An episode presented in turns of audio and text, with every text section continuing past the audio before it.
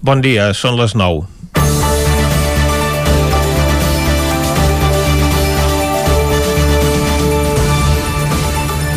No hi ha hagut sorpreses en la remodelació de l'executiu espanyol motivada per l'anunciada dimissió del ministre de Sanitat Salvador Illa per presentar-se de candidat a la presidència de la Generalitat.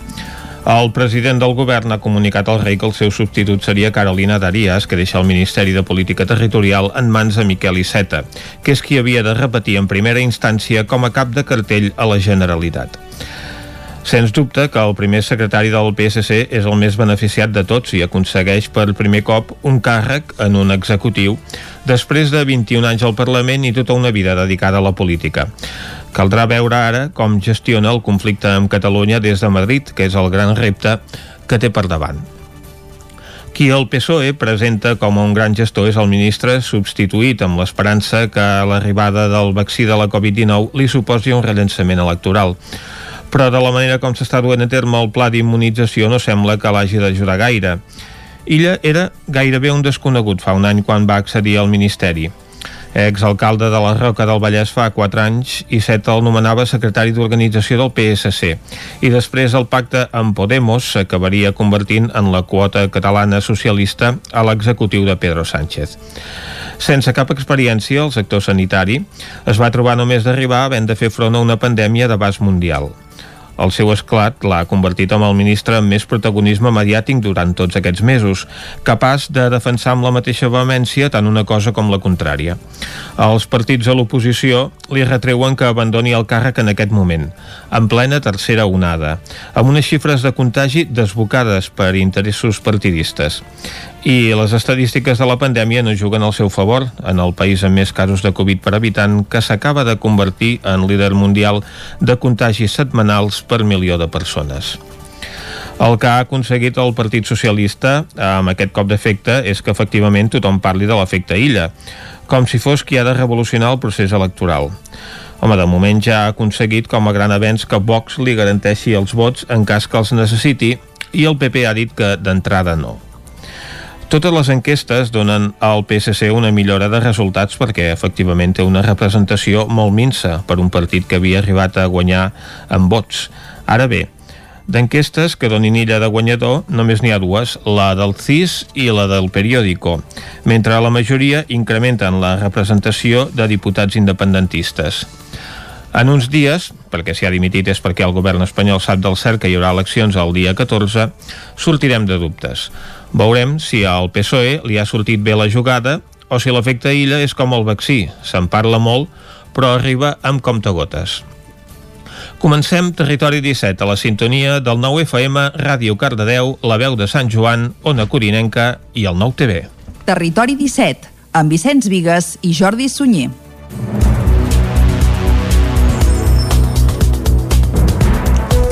Són les 9 i 3 minuts i mig del dimecres, dia 27 de gener de 2021. Comença aquí un nou Territori 17 que avui, durant la primera hora, com sempre, us acostarà tota l'actualitat de les nostres comarques.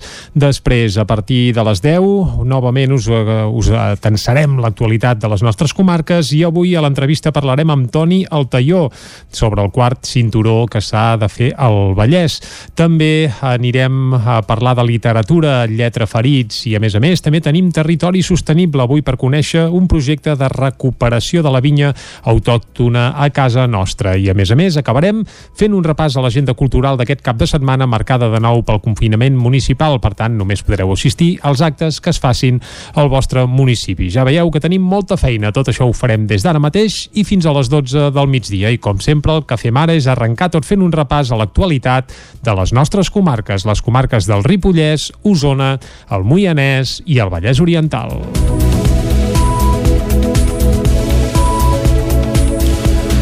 Salvador Illa ja és exministre de Sanitat del govern espanyol.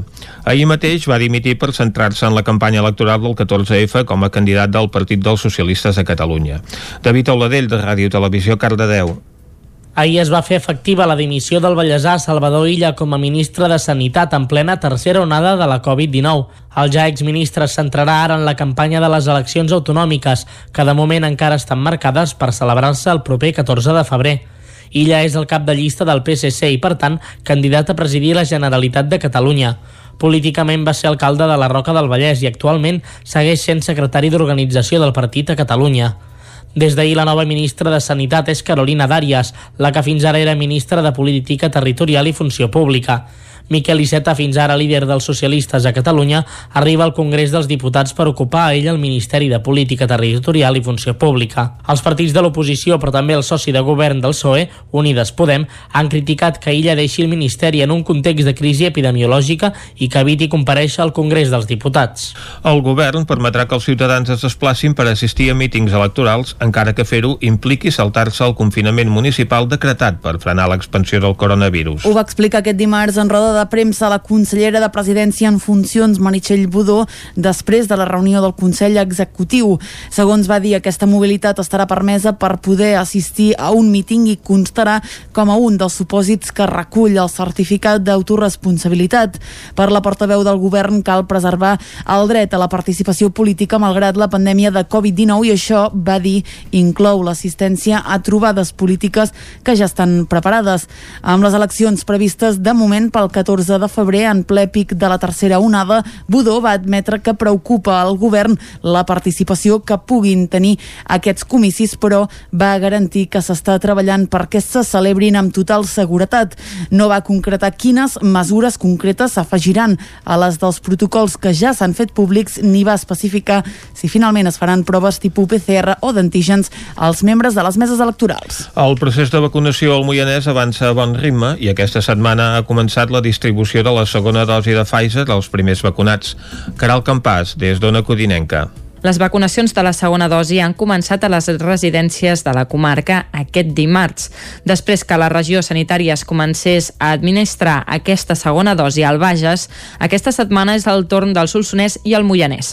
En 15 dies està previst vacunar els més de 350 residents que van rebre la primera dosi fa 21 dies. Tot i això, alguns centres encara no saben el dia exacte que rebran les dosis. És el cas de la residència Nature de Castellterçol. La Judit n'és la directora vacuna?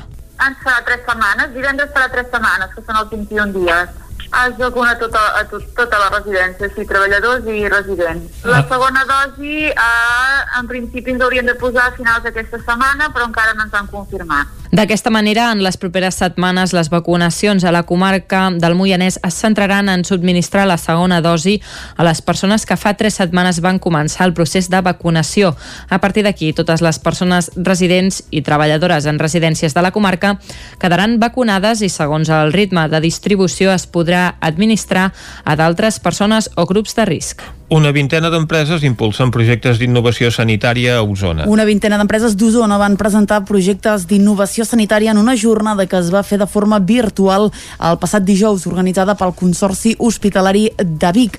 Es tracta d'una sessió de treball per valorar diferents possibilitats de col·laboració público-privada. Eh, es van tractar els quatre àmbits que es consideren clau en l'actual context de pandèmia, les proves PCR, el TIC i l'internet de les coses, els equips de protecció individual i també la desinfecció de materials i superfícies. Segons va explicar el director de serveis del Consorci, Jaume Castellano, la pandèmia els ha exigit reinventar reinventar-se per fer front a uns reptes exponencials i creuen que compartir les necessitats que té el sector amb les empreses pot ser una manera d'avançar. Per la seva banda, el director de gestió del Consorci, Ramon Ortiz, va voler recordar que el teixit empresarial d'Osona va respondre des del primer moment quan va començar la pandèmia i va agrair la participació de les empreses. El Ripollès té 7 grups escolars i 112 persones confinades pel coronavirus. Isaac Muntades, des de la veu de Sant Joan.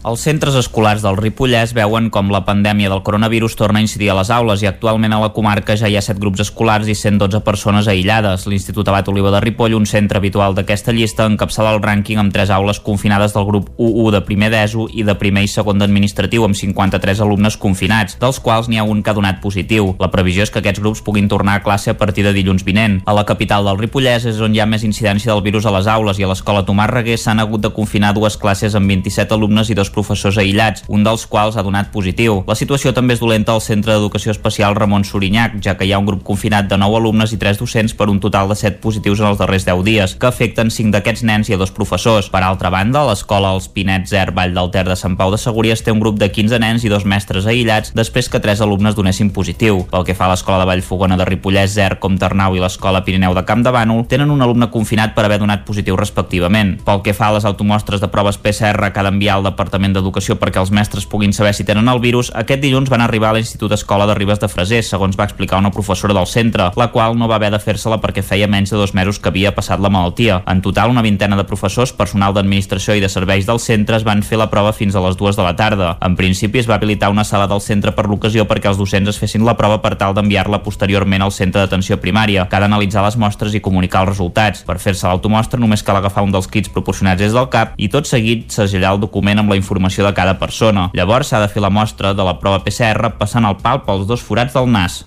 L'Escola Municipal de Música de Manlleu celebra el 40è aniversari. Amb la col·locació d'una pancarta que ja llueix en un dels balcons de Can Puget, l'Escola Municipal de Música de Manlleu anunciava l'inici del 40è aniversari del centre, una commemoració que la pandèmia ha retardat uns mesos. La seva instal·lació va coincidir amb la publicació d'un vídeo on mestres del centre interpreten músiques tradicionals de Manlleu, un homenatge a l'equip docent del centre, una de les claus de l'èxit, segons apuntava la seva directora Laura Castany, d'aquests 40 anys de trajectòria. Estem molt i molt orgullosos del claustre de professors que tenim a l'escola eh, i també dels alumnes que han anat pujant, creixent i que eh, molts d'ells han pogut tocar arreu del món i fins i tot alguns ja fins i tot estan fent classes aquí a l'escola. Per tant, és un orgull tenir-los aquí a l'escola eh, com a professors. La celebració coincidirà amb l'aprovació al consistori manlleuenc d'una inversió de 850.000 euros que ha de permetre millorar les instal·lacions de l'escola, ho explicava l'alcalde de Manlleu, Àlex Garrido. Aprovarem una partida de 850.000 euros que ens servirà ja per licitar l'obra d'acabament de les obres de Can Puget, eh, de, de la millora de, de l'edifici per poder-hi ubicar els nous espais de l'Escola de Música que ha crescut i que es troba eh, en un equipament que no eh, reuneix tots els requisits que hauria de reunir i que creiem que mereix una ubicació i eh, un, un equipament millor del que hem tingut fins ara. Un dels projectes més ambiciosos del programa d'actes del 40è aniversari és aplegar professors i exalumnes de l'escola. Per ara, però, prefereixen no posar data. El 2021 comença amb nova programació al Teatre Auditori de Cardedeu. Una programació pensada en el moment que estem vivint i per fer reviure la cultura. David Auladell, de Ràdio Televisió, Cardedeu. Per encetar la temporada, el Festival Tastautors, que arriba a la 17a edició. En aquesta temporada s'ha fet una aposta pel talent local de quilòmetre zero i per les dones dalt de l'escenari i la dansa. Moltes d'elles desconegudes, però cardedeuenques com la Míriam Salvador de l'Escola Vanessa Fernández o un espectacle innovador d'Isabel Vinardell. Núria Pujolas, regidora de Cultura. És arriscat perquè d'alguna forma hem triat, hem, hi ha molta dansa i hi ha molta música i hem apostat molt pel quilòmetre zero, amb coses que ja coneixeu i que normalment sempre han triomfat, no? que són els festivals. No? Ara comencem amb el Tastautors, després hi ha també el Ressona, hi ha el Febrer Musical per les Sardanes, hi ha el Labyrinth, i això són entitats de Cardedeu que fa anys que treballen per fer-nos unes propostes eh, de molta qualitat, on darrere hi ha gent treballant perquè tinguin qualitat. De moment, tots els espectacles seran de manera presencial, però ja han pensat opcions alternatives. A més, en breu s'anunciarà una nova ajuda pel sector cultural, una oficina de suport i reforç per a qualsevol persona que vulgui crear un espectacle i necessiti un suport logístic. La primera representació teatral de l'Atlàntida d'aquest any ha estat una comèdia-drama dedicada a la família, La dona dels 600. L'obra relata amb tocs d'humor i nostàlgia la història d'una família que va perdre la mare per un càncer. Amb el retrobament dels personatges es posa damunt la taula els secrets i retrets que es tenen entre si.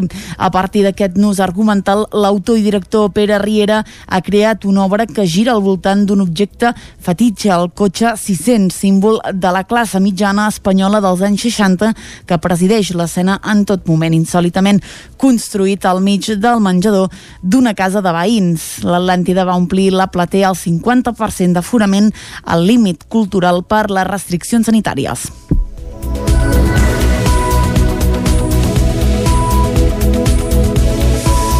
I fins aquí el butlletí informatiu que us hem ofert amb les veus de Vicenç Vigues, Clàudia Dinarès, David Auladell, Caral Campàs i Isaac Muntades. Ara el que toca, com sempre, arribats a aquest punt, és fer una ullada a la situació meteorològica.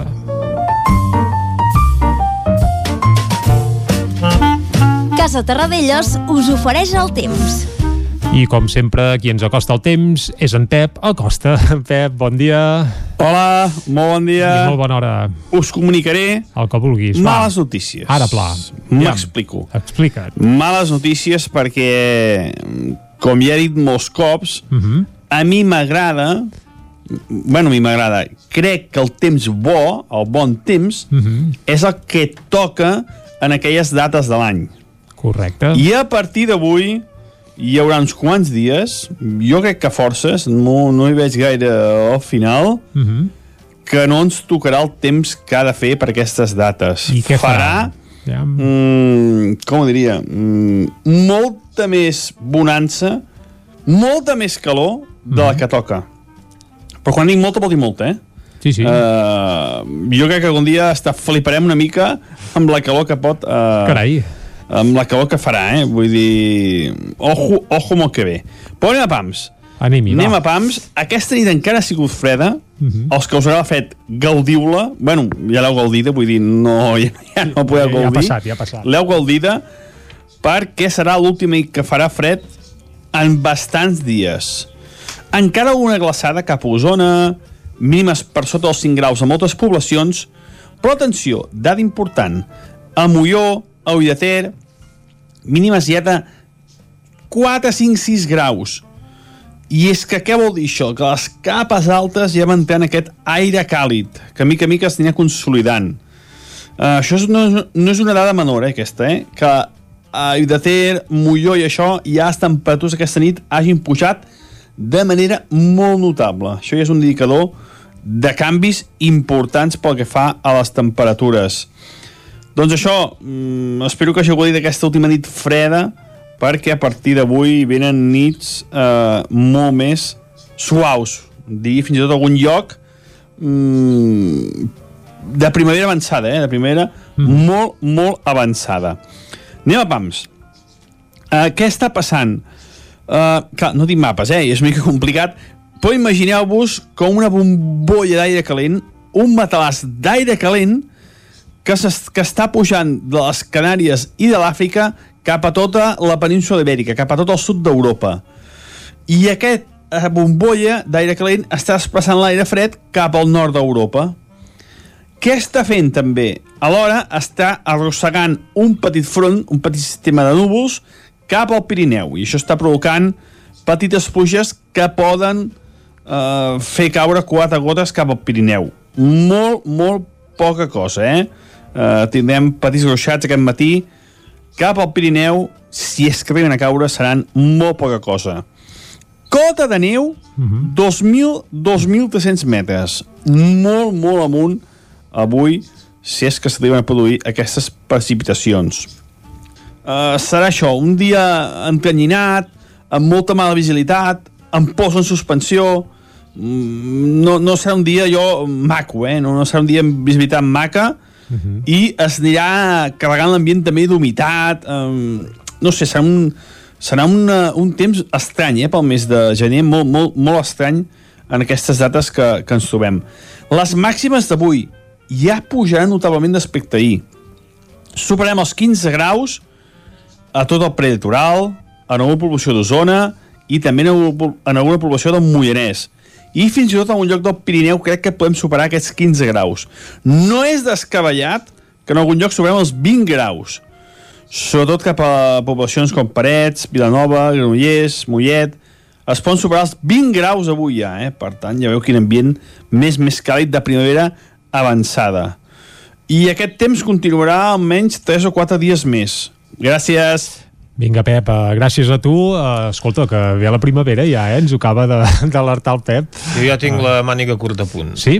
Val. Uh, jo, va, jo també, eh? Directament, i la Clàudia Si suposo falta. que també, i tots els oients a casa també. Se'ns acosten tres dies de molta bonança amb temperatures, pel que deia el Pep Acosta, molt superiors al que serien habituals per l'època, i ja ens ha dit que això no li agrada, eh? No. Que hauria de fer el temps que toca fer per l'època que som. Per Canet li agrada el fred especialment. Sí, perquè ens hem d'enganyar. A tots els meteoròlegs els hi acostuma a agradar el fred i els extrems, però vaja, ara deixem la meteorologia i anem al quiosc, sí? Doncs anem al quiosc. Doncs anem, i va, fins ara. Casa Tarradellas us ha ofert aquest espai. Territori 17. Envia'ns les teves notes de veu per WhatsApp al 646 079 023. 646 079 023. WhatsApp Territori 17.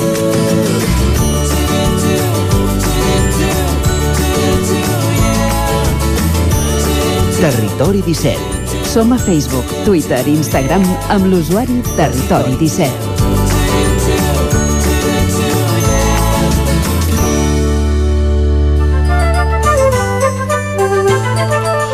Arriba l'hora de fer una ullada al quiosc i veure com tracten els diferents diaris aquests canvis a l'executiu espanyol, Clàudia. Comencem, com sempre, amb el punt avui que diu Illa B, Iceta se'n va, Miquel Iceta torna a la Moncloa i serà l'home d'enllaç amb Catalunya i Illa, per la seva banda, dimiteix i ja exerceix de candidat amb crítiques de tots els partits.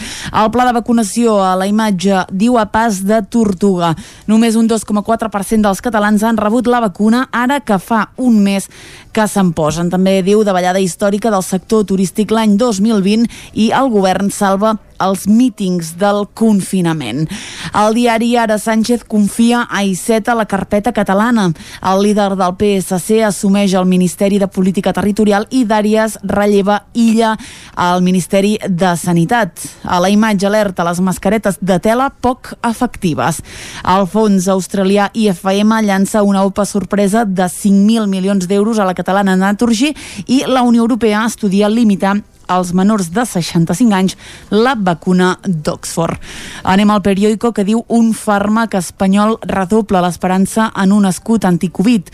Un estudi internacional conclou que és l'antiviral més potent i obre la via a assajos amb humans. A la imatge Disney s'autocensura la plataforma Beta en el seu catàleg per menors de 7 anys clàssics com Dumbo, Peter Pan i Los Aristogatos pels seus clichés, diu, racistes. I Zeta arriba a l'executiu executiu per gestionar la cogovernança. Anem a l'avantguàrdia que diu Sánchez delimita la crisi del govern al relleu d'Illa i l'entrada 17 a la imatge retrobament familiar amb vista al mar. És un pacient Covid al passeig marítim de Barcelona. Imaginem, per tant, que és de l'Hospital del Mar, una imatge que hem vist al llarg de la pandèmia. A Brussel·les, canviem de tema, obre una batalla contra les farmacèutiques per les vacunes i a Itàlia la sortida de compte escapça Itàlia en el pitjor moment. Anem a veure què treuen en portada els diaris editats a Madrid. Comencem amb el país que diu Sánchez afronta amb canvis lleus un futur eh, baix eh, de pressió, sota pressió, perdoneu. A la imatge hi veiem a Salvador Illa que s'acomiada eh, s'acomiadava ahir després de la roda de premsa a la Moncloa i avui al país el que fan és parlar amb Pascal Soriot que és el director executiu d'AstraZeneca que diu que no és cert que es estiguin arrabassant les vacunes als europeus. Anem al Mundo, que diu a eh, Brussel·les avisa de que el Consell General del Poder Judicial ha de ser escollit pels jutges. A la imatge tornem a veure a Illa, que s'acomiada, diu no me'n penedeixo. Sánchez delega el control de la pandèmia en una ministra sense pes. Anem acabant, anem a la raó que diu Sánchez deixa la crisi de govern decalat per després de la pandèmia. La sortida d'Illa es redueix a un canvi de cadires amb la ministra d'Àries i la incorporació 17 al Consell de Ministres. A la imatge, exàmens del risc Covid en la universitat i polèmica a les vacunes. Diu Pfizer guanya 3.000 milions amb la sisena dosi. Acabem, com sempre, amb l'ABC que diu Sánchez lliura la política territorial al PSC a pocs dies de les eleccions catalanes setmanes. Uh, la imatge diu Illa deixa sanitat perquè se sent més útil a Catalunya. Del seu comiat diu la soca britànica s'extén i pot elevar les morts. Carolina Dàries, per la seva banda, es fa càrrec del Ministeri en un nou pic de la pandèmia. Doncs aquests són els titulars més destacats dels eh, diaris d'avui, centrats evidentment en aquesta remodelació de l'executiu espanyol després de la dimissió ahir del ministre de Sanitat, Salvador Illa, per presentar-se com a candidat a la presidència de la Generalitat. Per part del PSC. Aquesta és la notícia més destacada de la jornada d'avui a la premsa. El Mundo i el País escullen de fotografia de portada la mateixa imatge del ministre acomiadant-se. Si bé al Mundo podem veure un pla més general de la imatge, amb el ministre, encara ministre en aquell moment, en un, en un passadís, i el País doncs, opta per un pla més tancat d'aquesta mateixa fotografia. També aquesta actualitat centra la portada de l'ABC, però en aquest cas la imatge que ofereixen en portada és d'un pont d'Ourense eh, amb una dona doncs, passejant pel mig del pont i a banda i banda doncs, uns operaris que l'estan desinfectant mentre que a la Razón la imatge que apareix és la de una concentració d'estudiants a les portes d'un centre universitari a punt per fer els exàmens on es posa de manifest doncs, aquesta acumulació de persones arran d'aquesta situació que ha obligat a moltes universitats a fer els exàmens de forma presencial novament després de detectar-se doncs, que hi havia picaresca amb els exàmens en línia.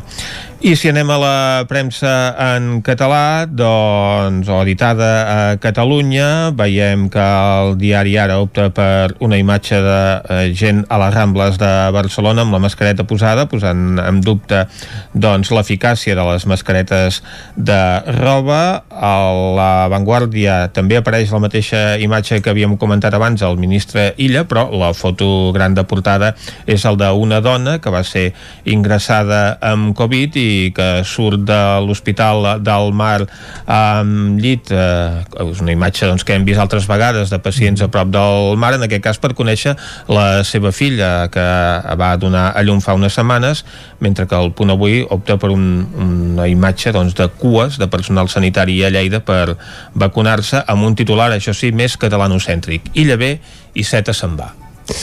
Molt bé, doncs amb aquest repàs tanquem el bloc de, de la premsa d'avui. Ara, Vicenç, farem una petita pausa i després tornem a dos quarts en punt, de nou acostant-vos tota l'actualitat de les nostres comarques aquí a Territori 17. No marxeu, que us farem companyia encara fins a les 12 del migdia.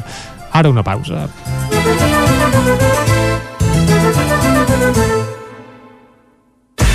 El nou FM, la ràdio de casa, al 92.8. Les bones decisions tenen premi. I és que si té una caldera Vaillant, està d'enhorabona. Vaillant li ofereix fins a 15 anys de cobertura total, amb la revisió obligatòria inclosa. Informis a Oficiat Nord trucant al 93 886 0040. Amb el servei tècnic oficial de Vaillant, la seva caldera estarà en les millors mans. Estudi fotogràfic. Nosaltres et lloguem el plató amb tot tipus de decorats i tu fas les fotos per només 18 euros l'hora. Per comunions, aniversaris, bucs, embarassades, nounats, suport rotatiu per fer vídeos de TikTok i molt més. Per Sant Valentí regala un val per només 18 euros i tindràs un bon record fotogràfic.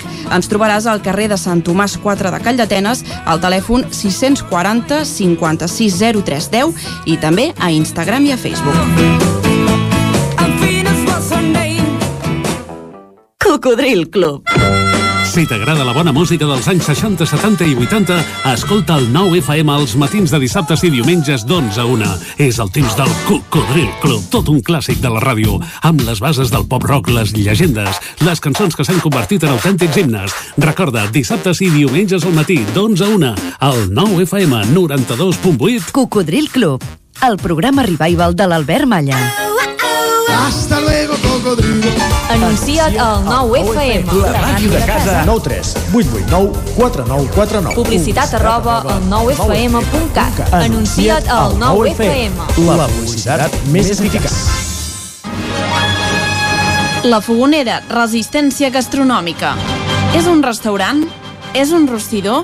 És La Fogonera, la cuina en directe des de GURB, on encarregues, ho vens a buscar i ara també t'ho portem a casa. La Fogonera, resistència gastronòmica. Ara, amb la fogonera de dia, amb aperitius, arrossos, segons plats i postres. I quan cau la nit, ens transformem en un popurri culinari. Burgers, pizza, pasta... Truca al 93 851 55 75 o entra a lafogonera.cat. La Fogonera, el teu aliat gastronòmic. A Vic, T52. Solucions personalitzades. Dissenyem i produïm màscares personalitzades per a empreses, clubs o col·lectius a partir de 10 unitats. Disposem de dissenys propis per a particulars. Aconsegueix fins a un 30% de descompte. T52. Ens trobareu al centre, al carrer 941 i també a l'Horta Vermella, al carrer Menéndez Pelayo 31. Més informació a t52.cat. El 9 FM. El 9 FM. El 9 FM. Territori 17, amb Vicenç Vigues i Jordi Sunyer. Són dos quarts de deu en punt d'avui dimecres, dia 27 de gener de 2021. Seguim aquí en directe a Territori 17 i de seguida us acostarem tota l'actualitat de nou de les nostres comarques. Després, a partir de les 10, més informació i, com sempre, les seccions habituals aquí a Territori 17. Avui a l'entrevista parlarem del quart cinturó al Vallès, ho farem amb Toni Altaió. També tindrem la secció de Lletra Ferits, on cada setmana, cada setmana parlem de literatura. Avui la Dolors Altarriba conversarà amb l'Ester Ferrés, directora de la Biblioteca de Vic. També anirem al territori sostenible. Avui en Jordi Givert ens explicarà un projecte de recuperació de la vinya autòctona aquí a Territori 17 i per acabar al punt de les 12 del migdia el que farem és un repàs a l'agenda cultural per aquest proper cap de setmana, un cap de setmana on ja podeu anar a mítings electorals, això per un cantó, a més de qualsevol municipi, i això sí, si aneu a un acte cultural, no electoral, us haureu de limitar en els que es fan, doncs això, en el marc del vostre terme municipal. Això ho repassarem a la part final d'un programa que ara segueix acostant-vos de nou l'actualitat de les nostres comarques. Ja ho sabeu, les comarques del Ripollès, Osona, el Moianès i el Vallès Oriental.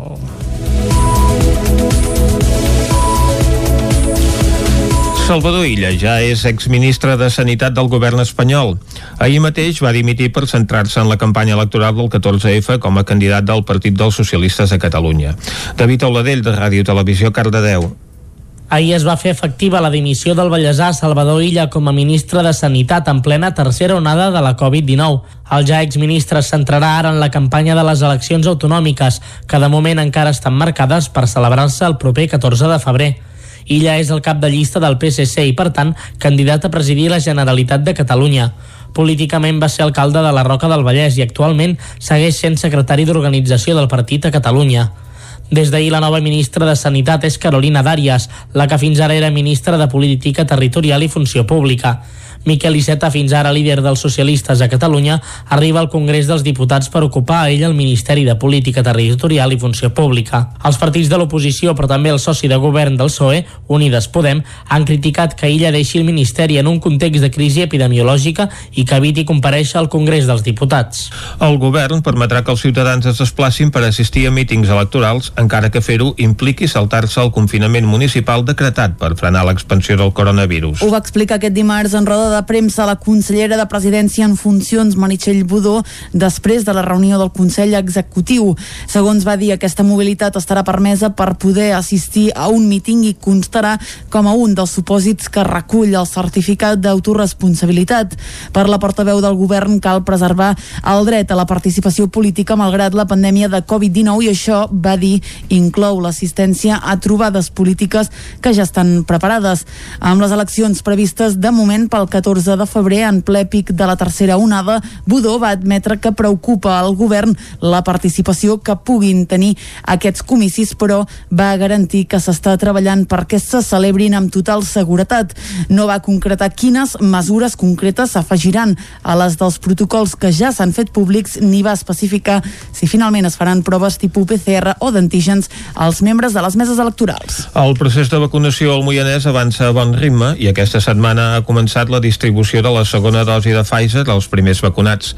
Caral Campàs, des d'Ona Codinenca. Les vacunacions de la segona dosi han començat a les residències de la comarca aquest dimarts. Després que la regió sanitària es comencés a administrar aquesta segona dosi al Bages, aquesta setmana és el torn del Solsonès i el Moianès.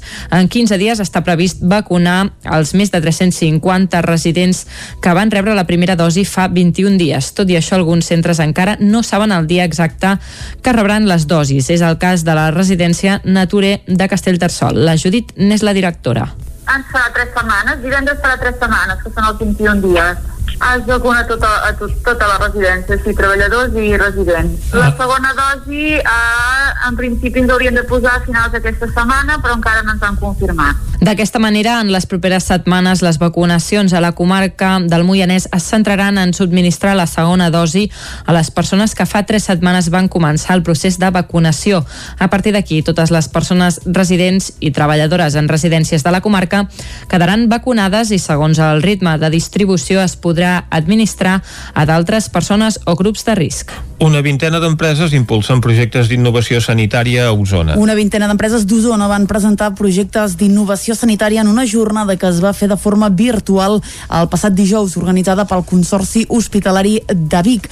Es tracta d'una sessió de treball per valorar diferents possibilitats de col·laboració público-privada. Eh, Es van tractar els quatre àmbits que es consideren clau en l'actual context de pandèmia, les proves PCR, el TIC i l'internet de les coses, els equips de protecció individual i també la desinfecció de materials i superfícies. Segons va explicar el director de serveis del Consorci, Jaume Castellano, la pandèmia els ha exigit reinventar reinventar-se per fer front a uns reptes exponencials i creuen que compartir les necessitats que té el sector amb les empreses pot ser una manera d'avançar. Per la seva banda, el director de gestió del Consorci, Ramon Ortiz, va voler recordar que el teixit empresarial d'Osona va respondre des del primer moment quan va començar la pandèmia i va agrair la participació de les empreses. El Ripollès té 7 grups escolars i 112 persones confinades pel coronavirus. Isaac Muntades, des de la veu de Sant Joan.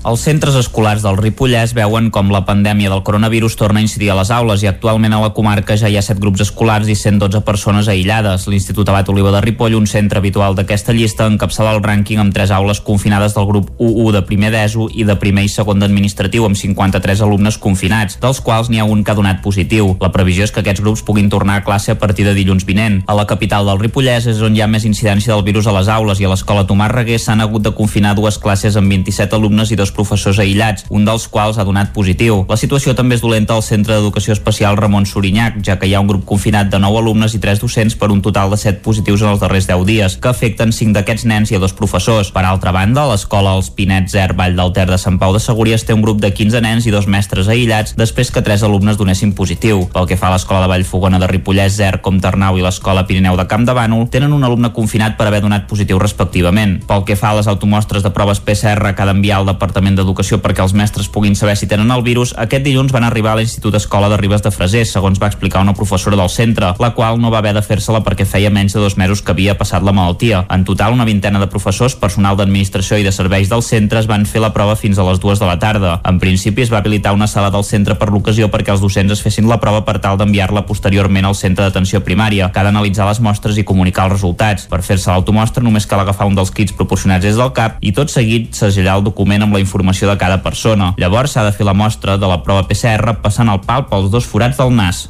L'Escola Municipal de Música de Manlleu celebra el 40è aniversari. Amb la col·locació d'una pancarta que ja llueix en un dels balcons de Can Puget, l'Escola Municipal de Música de Manlleu anunciava l'inici del 40è aniversari del centre, una commemoració que la pandèmia ha retardat uns mesos.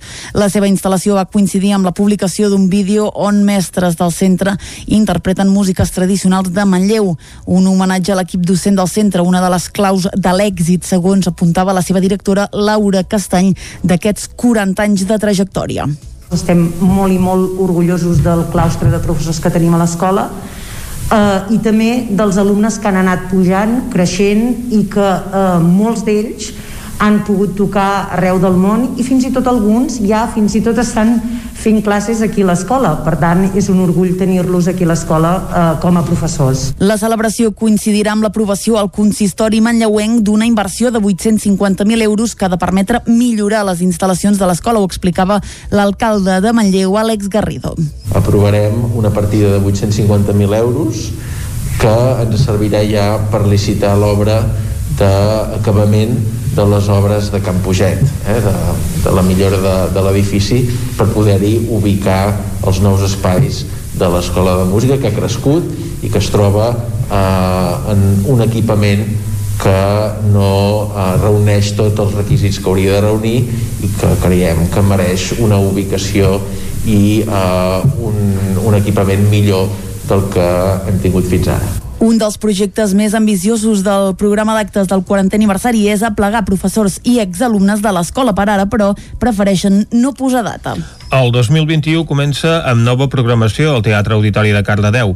Una programació pensada en el moment que estem vivint i per fer reviure la cultura. David Auladell, de Ràdio Televisió Cardedeu per encetar la temporada al Festival Tastautors, que arriba a la 17a edició. En aquesta temporada s'ha fet una aposta pel talent local de quilòmetre zero i per les dones dalt de l'escenari i la dansa. Moltes d'elles desconegudes, però cardedeuenques com la Míriam Salvador de l'Escola Vanessa Fernández o un espectacle innovador d'Isabel Vinardell. Núria Pujolas, regidora de Cultura. És arriscat perquè d'alguna forma hem triat, hem, hi ha molta dansa i hi ha molta música i hem apostat molt pel quilòmetre zero, amb coses que ja coneixeu i que normalment sempre han triomfat, no? que són els festivals. No? Ara comencem amb el Tastautors, després hi ha també el Ressona, hi ha el Febrer Musical per les Sardanes, hi ha el Labyrinth, i això són entitats de Cardedeu que fa anys que treballen per fer-nos unes propostes eh, de molta qualitat, on darrere hi ha gent treballant perquè tinguin qualitat. De moment, tots els espectacles seran de manera presencial, però ja han pensat opcions alternatives. A més, en breu s'anunciarà una nova ajuda pel sector cultural, una oficina de suport i reforç per a qualsevol persona que vulgui crear un espectacle i necessiti un suport logístic. La primera representació teatral de l'Atlàntida d'aquest any ha estat una comèdia-drama dedicada a la família, La dona dels 600. L'obra relata amb tocs d'humor i nostàlgia la història d'una família que va perdre la mare per un càncer. Amb el retrobament dels personatges es posa damunt la taula els secrets i retrets que es tenen entre si. A partir d'aquest nus argumental, l'autor i director Pere Riera ha creat una obra que gira al voltant d'un objecte fetitge, el cotxe 600, símbol de la classe mitjana espanyola dels anys 60 que presideix l'escena en tot moment, insòlitament construït al mig del menjador d'una casa de veïns. L'Atlàntida va omplir la platea al 50% d'aforament al límit cultural per les restriccions sanitàries.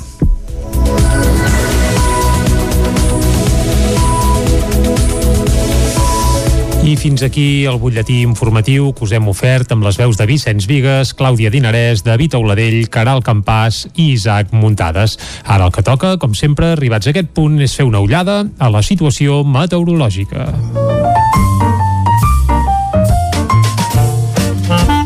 Casa Terradellos us ofereix el temps. I com sempre, qui ens acosta el temps és en Pep Acosta. Pep, bon dia. Hola, molt bon dia. I molt bona hora. Us comunicaré el que vulguis. Va. males notícies. Ara, pla. M'explico. Explica't. Males notícies perquè, com ja he dit molts cops, uh -huh. a mi m'agrada bueno, a mi m'agrada. Crec que el temps bo, el bon temps, uh -huh. és el que toca en aquelles dates de l'any. Correcte. I a partir d'avui hi haurà uns quants dies, jo crec que forces, no, no hi veig gaire al final, uh -huh. que no ens tocarà el temps que ha de fer per aquestes dates. I què farà? Ja. Mm, com ho diria? Mm, molta més bonança, molta més calor de la que toca. Però quan dic molta, vol dir molta, eh?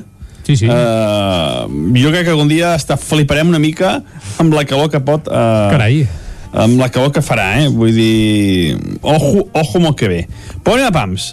Anem, anem a pams. Aquesta nit encara ha sigut freda. Uh -huh. Els que us haurà fet gaudiu-la. Bueno, ja l'heu gaudida, vull dir, no, ja, ja no podeu ja, ja gaudir. ha passat, ja ha passat. L'heu gaudida perquè serà l'última nit que farà fred en bastants dies.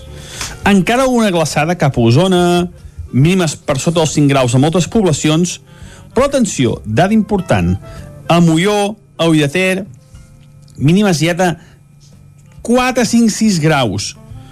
I és que què vol dir això? Que les capes altes ja mantenen aquest aire càlid, que mica a mica es anirà consolidant. Uh, això és, no, no és una dada menor, eh, aquesta, eh? Que a Ull de Ter, Molló i això, ja les temperatures aquesta nit hagin pujat de manera molt notable. Això ja és un indicador de canvis importants pel que fa a les temperatures.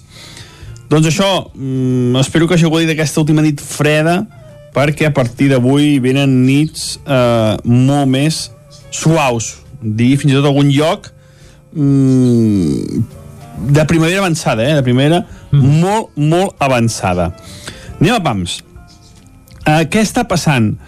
Uh, clar, no tinc mapes, eh? És una mica complicat, però imagineu-vos com una bombolla d'aire calent, un matalàs d'aire calent que, que està pujant de les Canàries i de l'Àfrica cap a tota la península ibèrica, cap a tot el sud d'Europa.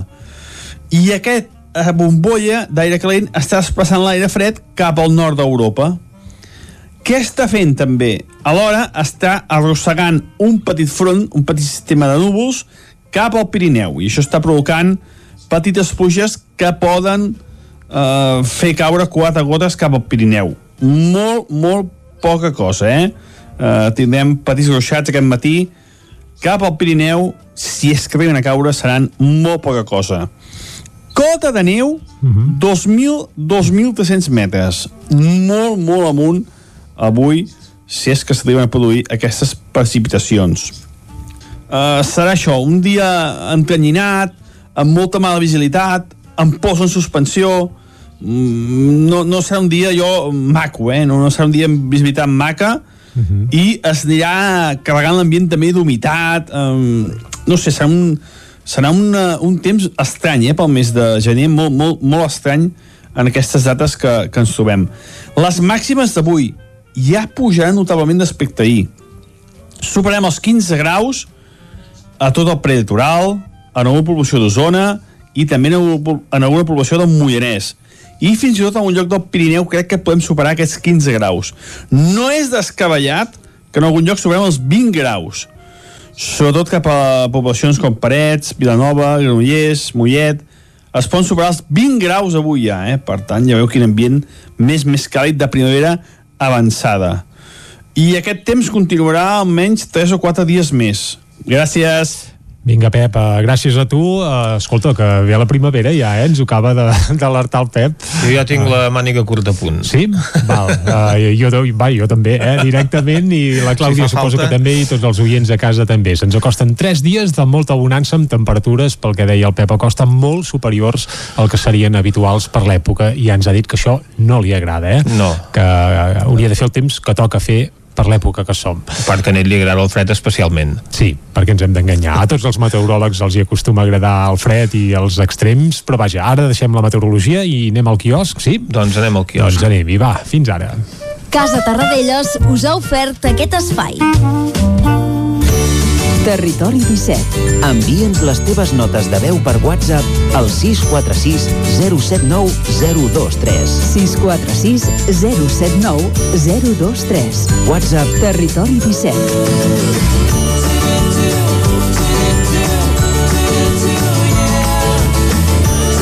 Territori 17. Som a Facebook, Twitter i Instagram amb l'usuari Territori 17.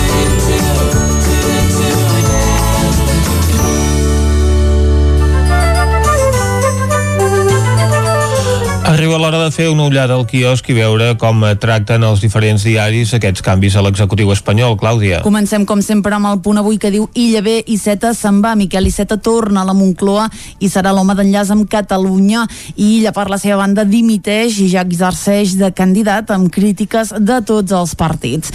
El pla de vacunació a la imatge diu a pas de tortuga. Només un 2,4% dels catalans han rebut la vacuna ara que fa un mes que se'n posen. També diu davallada històrica del sector turístic l'any 2020 i el govern salva els mítings del confinament. El diari Ara Sánchez confia a Iceta la carpeta catalana. El líder del PSC assumeix el Ministeri de Política Territorial i Dàries relleva Illa al Ministeri de Sanitat. A la imatge alerta les mascaretes de tela poc efectives. El fons australià IFM llança una OPA sorpresa de 5.000 milions d'euros a la catalana Naturgy i la Unió Europea estudia limitar als menors de 65 anys la vacuna d'Oxford.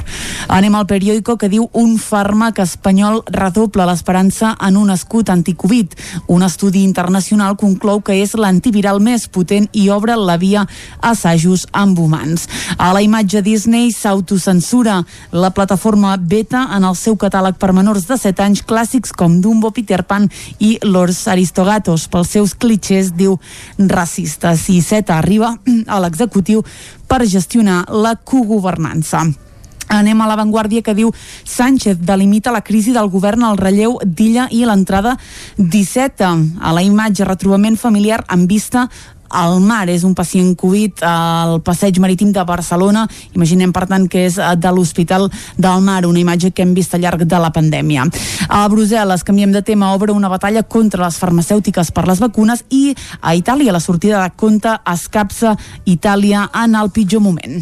Anem a veure què treuen en portada els diaris editats a Madrid. Comencem amb el país que diu Sánchez afronta amb canvis lleus un futur eh, baix eh, de pressió, sota pressió, perdoneu. A la imatge hi veiem a Salvador Illa que s'acomiada eh, s'acomiadava ahir després de la roda de premsa a la Moncloa i avui al país el que fan és parlar amb Pascal Soriot que és el director executiu d'AstraZeneca que diu que no és cert que es estiguin arrabassant les vacunes als europeus. Anem al Mundo que diu a Brussel·les avisa de que el Consell General del Poder Judicial ha de ser escollit pels jutges. A la imatge tornem a veure a Illa que s'acomiada, diu no me'n penedeixo. Sánchez delega el control de la pandèmia en una ministra sense pes. Anem acabant, anem a la raó que diu Sánchez deixa la crisi de govern decalat per després de la pandèmia. La sortida d'Illa es redueix a un canvi de cadires amb la ministra d'Àries i la incorporació 17 al Consell de Ministres. A la imatge, exàmens del risc Covid en la universitat i polèmica a les vacunes. Diu Pfizer guanya 3.000 milions amb la sisena dosi. Acabem, com sempre, amb l'ABC, que diu Sánchez lliure la política territorial al PSC a pocs dies de les eleccions catalanes. A la imatge diu Illa deixa sanitat perquè se sent més útil a Catalunya. Del seu comiat, diu la soca britànica s'extén i pot elevar les morts. Carolina Dàries, per la seva banda, es fa càrrec del Ministeri en un nou pic de la pandèmia.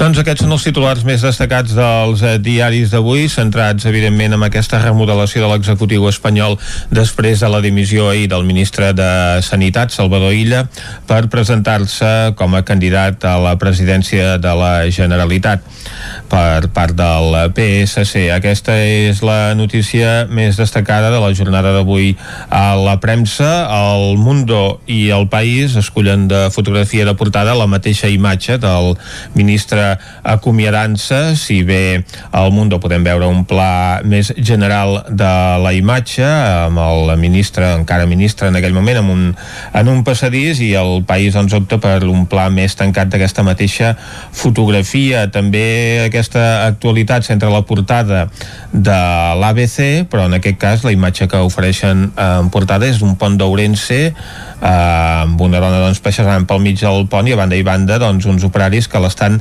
desinfectant mentre que a la Razón la imatge que apareix és la de una concentració d'estudiants a les portes d'un centre universitari a punt per fer els exàmens on es posa de manifest doncs, aquesta acumulació de persones arran d'aquesta situació que ha obligat a moltes universitats a fer els exàmens de forma presencial novament després de detectar-se doncs, que hi havia picaresca amb els exàmens en línia.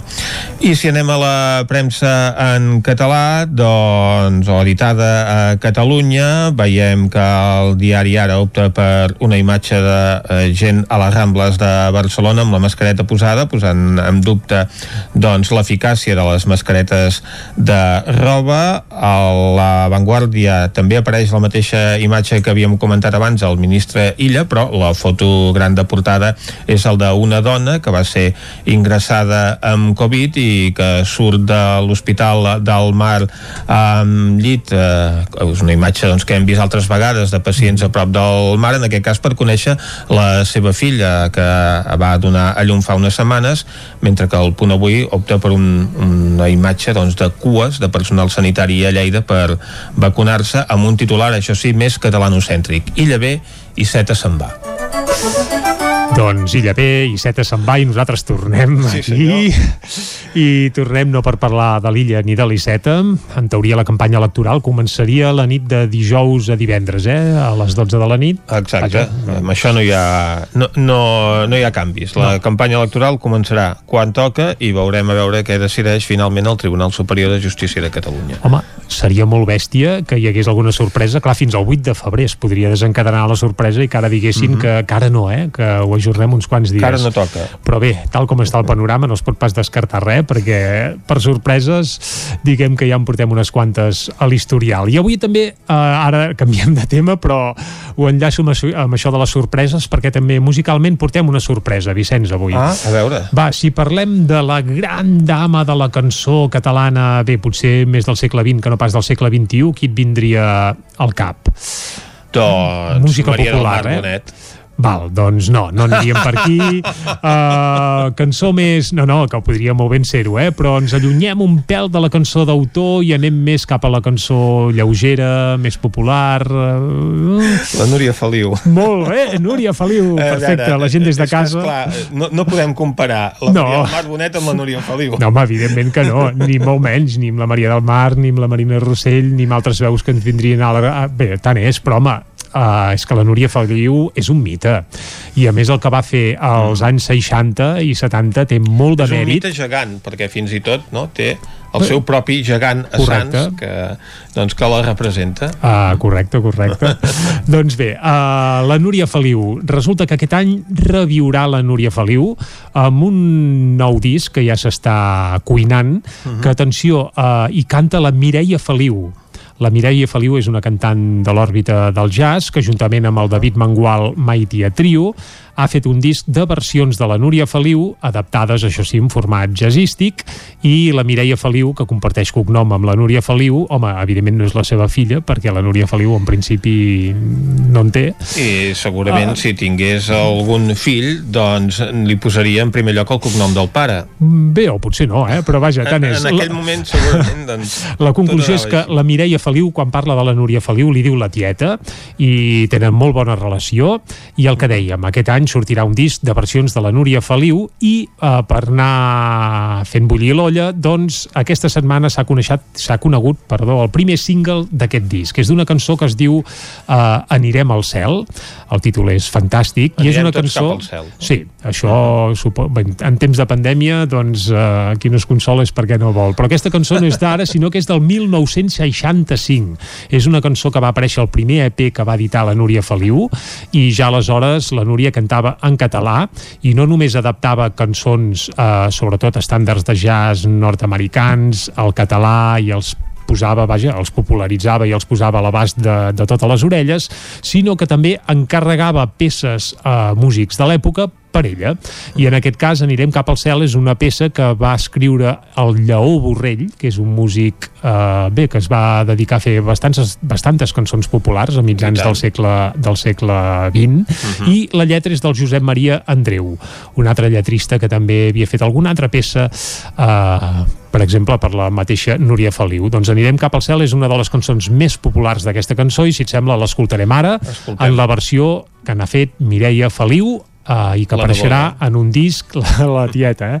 que apareixerà en un disc que s'editarà properament uh, anirem cap al cel amb la veu de Mireia Feliu però si tanquem els ulls potser ens apareix la Núria i tot per allà va, amb això arribem fins, Fins a al les punt 10. de les 10 aquí, a Territori 17, fins ara Anirem tots cap al cel que toquin les trompetes anirem tots cap al cel amb les mans ben netes i no ens caldrà portar bastó ni sandàlia ni sarró. Tu que estàs tan cansat tot d'un plegat sentiràs que has volat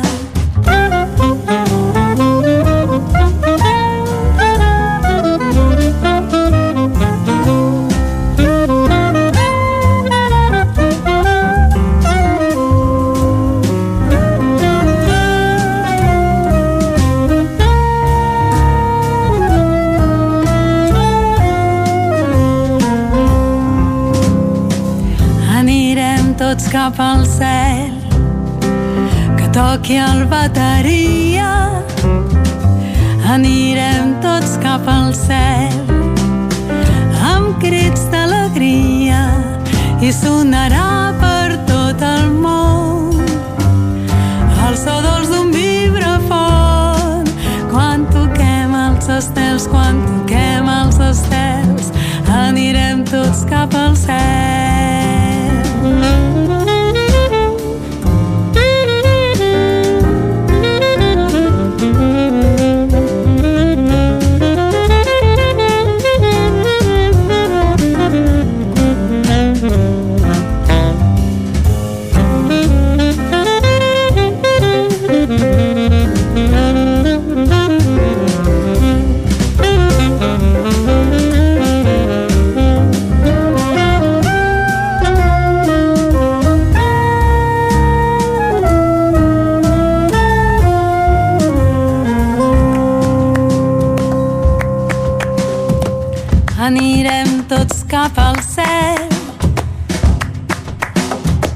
Anirem tots cap al cel.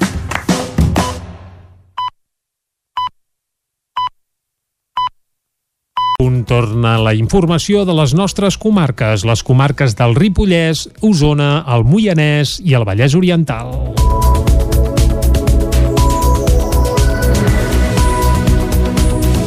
Preocupació entre els productors de llet d'Osona perquè les grans empreses els paguen la llet per sota del preu de cost. El ramader Vicenç Febrer té una granja amb 180 vaques a malla i cada dia produeix uns 6.000 litres de llet. Cada litre li costa 0,34 cèntims d'euro i, en canvi, els cobra a 0,32. Això ha fet que s'hagi hagut d'endeutar i a llarg termini, assegura, pot suposar la desaparició de la seva explotació. De fet, en els últims 20 anys, Catalunya ha perdut el 90% de les explotacions de llet llet.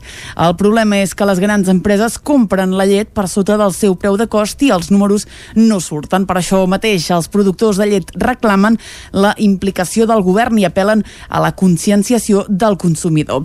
Al febrer del 2020, el govern espanyol va aprovar un decret on s'establia que la gran indústria i les ambasadores de llet pagarien als productors com a mínim el preu de cost de la llet. Tot i això, els ramaders asseguren que la mesura no ha servit de res. Ribes col·locarà llambornes amb els noms de les víctimes del nazisme de la Vall i els hi farà un homenatge a petició de Tots Fem Ribes. Isaac Muntades, des de la veu de Sant Joan. El ple telemàtic de Ribes d'aquest dilluns va aprovar una moció del grup municipal de Tots Fem Ribes Esquerra Republicana de Catalunya per homenatjar les víctimes del nazisme de la Vall que van ser enviades a camps de concentració nazis durant la Segona Guerra Mundial. La proposta es va aprovar només dos dies abans del Dia Internacional de Commemoració en memòria de les víctimes de l'Holocaust que se celebra aquest dimecres. En total hi havia quatre ribetans i dos tosans, un d'ells establerts a Ribes, que van ser deportats entre els anys 1940 i 1944 als camps nazis de Mauthausen i Neuengamme, després de fugir cap a França per la Guerra Civil durant el febrer de 1939. Els seus noms eren Josep Sorroca, Pere Bonal, Josep Pinyol, Francesc Coma, Josep López i Josep Corcoy. Tots tenien menys de 30 anys i quatre d'ells van morir a mans del règim feixista d'Adolf Hitler. Només Pinyol i López van sobreviure a la barbària després de ser alliberats per les tropes aliades, ja que la resta ja eren morts des de mitjans de l'any 1942, però el règim franquista els va mantenir a l'exili i es van quedar a viure França. Els seus noms van sortir a la llum gràcies al treball de recerca sobre els deportats de la Vall de Ribes als camps nazis fet per Jordi Pons, doctor en Història i membre de l'Associació de Memòria i Història de Manresa. La moció diu que l'Arxiu Comarcal del Ripollès ha de fer un informe per esbrinar el domicili exacte de les víctimes i dels seus familiars si encara són vius, a més de buscar més deportats. El porteu del grup republicà, Joaquim Roquer, va explicar la part més simbòlica de la moció amb la col·locació de les llambordes Stoppelstein. Les llambordes Stoppelsteiner eh, són petits monuments creats per l'artista alemany Gunther Demig en memòria de les víctimes del nazisme. Aquestes Stoppelsteiner són llambordes quadrades de 10 centímetres per 10 centímetres quadrat, fetes de formigó i que són cobertes d'una fulla de llautó, on en aquesta fulla de llautó es graven les dades de cada persona i es col·loquen al paviment de davant de, dels edificis o llocs on les víctimes van viure o treballar lliurement abans de ser empresonades i deportades. Cada llamborda és única i es realitza de manera especial, feta a mà, com a gest de respecte i humanitat que vol contrastar amb l'exterminació industrialitzada dels nazis. La moció també demanava fer un acte d'homenatge perquè poguessin assistir els familiars o col·locar les llambordes coincidint amb el 27 de gener de l'any vinent o abans si ja es disposa de les Stoppelstein. L'alcaldessa Mònica Sant Jaume va dir que és de justícia fer viure la memòria d'aquests sis homes i el que va suposar per les seves famílies. De fet, a títol personal, Sant Jaume va recordar que una de les víctimes era un tiet del seu avi.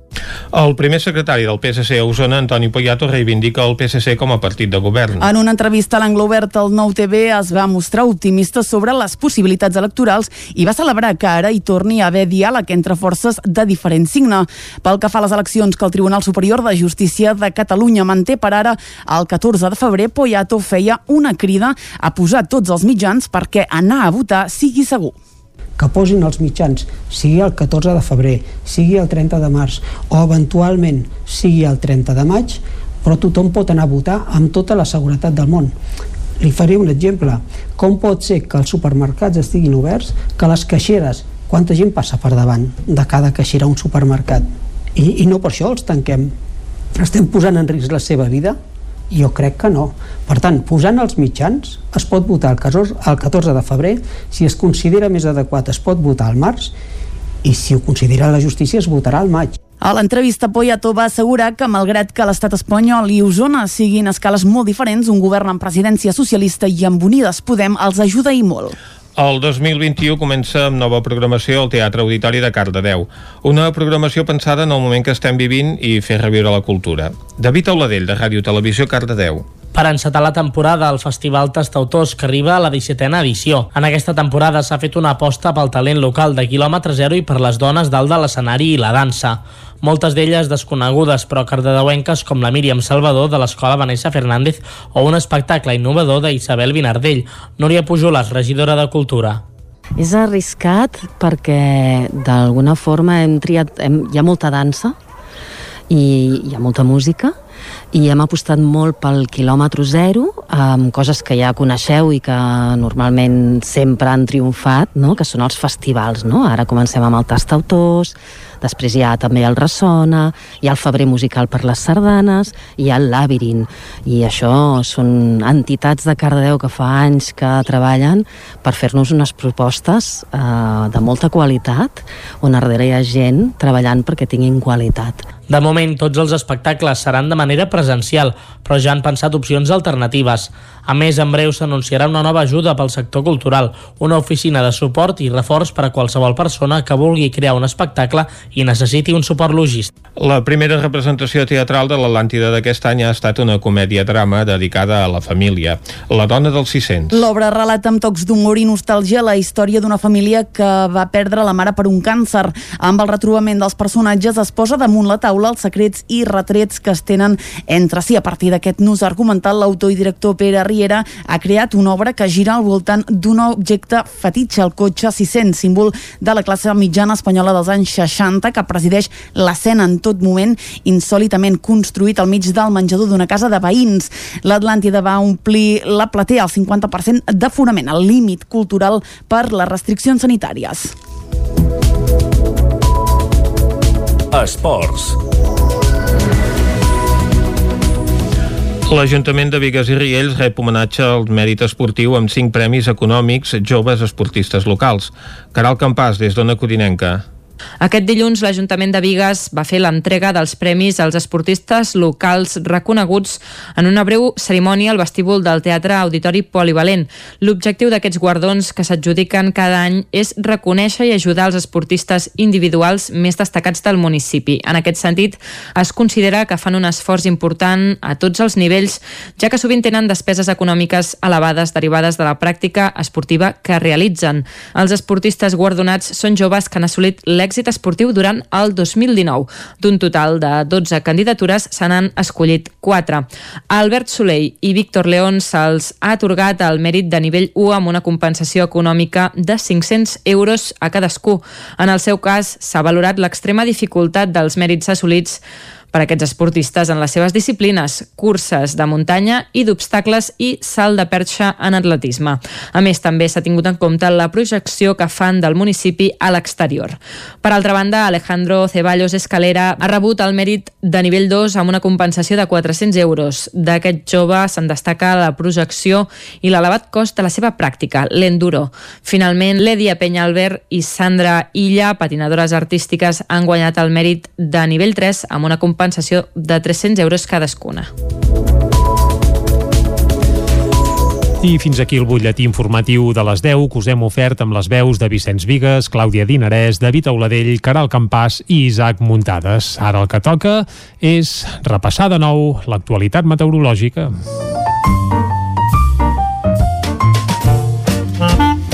Casa Terradellos us ofereix el temps. I a les 9 del matí ja hem sentit el Pep Acosta alertant-nos que s'acosta calor, bé, calor no pas de suar, però sí que temperatures força superiors al que seria habitual per l'època. El saludem de nou perquè ens ho expliqui altra vegada. Bon dia, Pep. Hola, molt bon dia. Molt bona hora. Uh, què està passant? No ho sé, explica'ns-ho. Uh, clar, no tinc mapes, eh? És una mica complicat. Però imagineu-vos com una bombolla d'aire calent, un matalàs d'aire calent que, que està pujant de les Canàries i de l'Àfrica cap a tota la península ibèrica, cap a tot el sud d'Europa. I aquest eh, bombolla d'aire calent està desplaçant l'aire fred cap al nord d'Europa.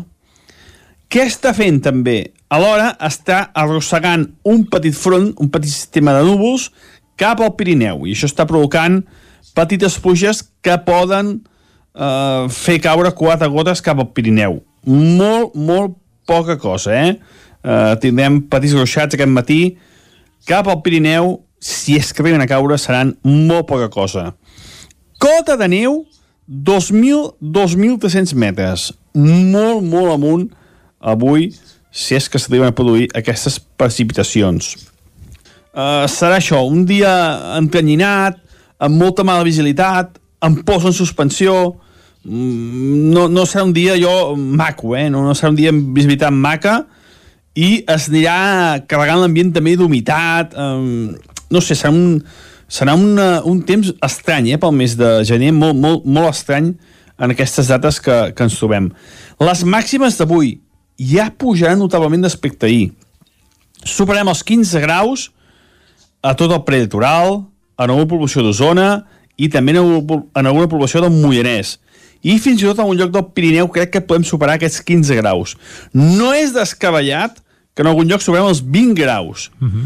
Sobretot cap a poblacions com Parets, Vilanova, Granollers, Mollet...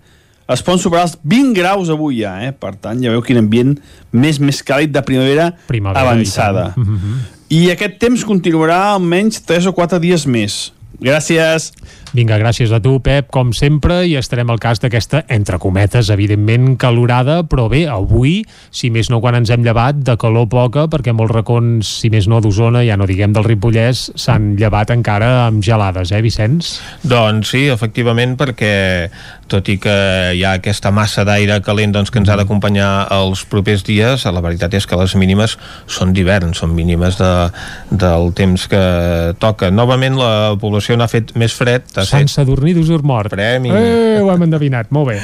Sí senyor, amb 3 graus eh, negatius, hi ha hagut 2 graus negatius de temperatura mínima a Sant Martí Sescors, a Sora o a Sant Fores, i bé, ha glaçat pràcticament a, a tot arreu avui, a Viladrau, a Vic, a Collsospina, a Call d'Atenes, a Espinelves, a l'Esquirol, a Malla, a Manlleu, Olost, a Prats, a Roda de Ter, a Rupit, a Sant Julià de Vilatorta, a Sant Quirze de Besora, a Sant Vicenç de Torelló, al Pantà de Sau, a Taradell, a Torelló, a Tavernoles, a les Masies de Roda, a Folgueroles, a Molló, a Gurb, a Orís, a Montesquiu, a Planoles i a Camprodon, que també han arribat als 0 graus. Doncs molt bé, fet aquest repàs de temperatures, el que ens tocarà ara de seguida és anar cap a l'entrevista. Casa Tarradellas us ha ofert aquest espai.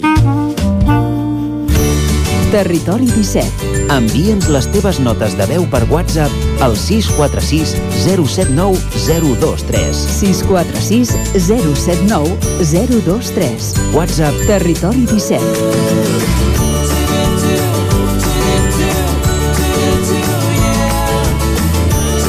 Territori 17. Som a Facebook, Twitter i Instagram amb l'usuari Territori 17.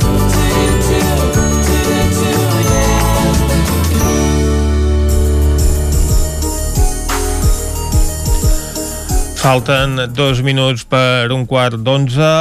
La campanya contra el quart cinturó ha denunciat que ha caducat el termini per presentar la tramitació ambiental lligada a l'estudi informatiu d'aquest projecte que es va iniciar fa uns 30 anys.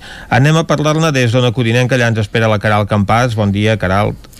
Bon dia, Vicenç. Uh, doncs sí, com bé dius, ha, ha tornat a caducar el termini per presentar aquesta tramitació ambiental lligada a, al quart cinturó. Aquest fet ja havia passat l'any 2012 amb l'anterior procediment administratiu que s'havia impulsat per definir aquest uh, traçat de l'històric projecte d'autovia orbital de Barcelona, que molts coneixereu.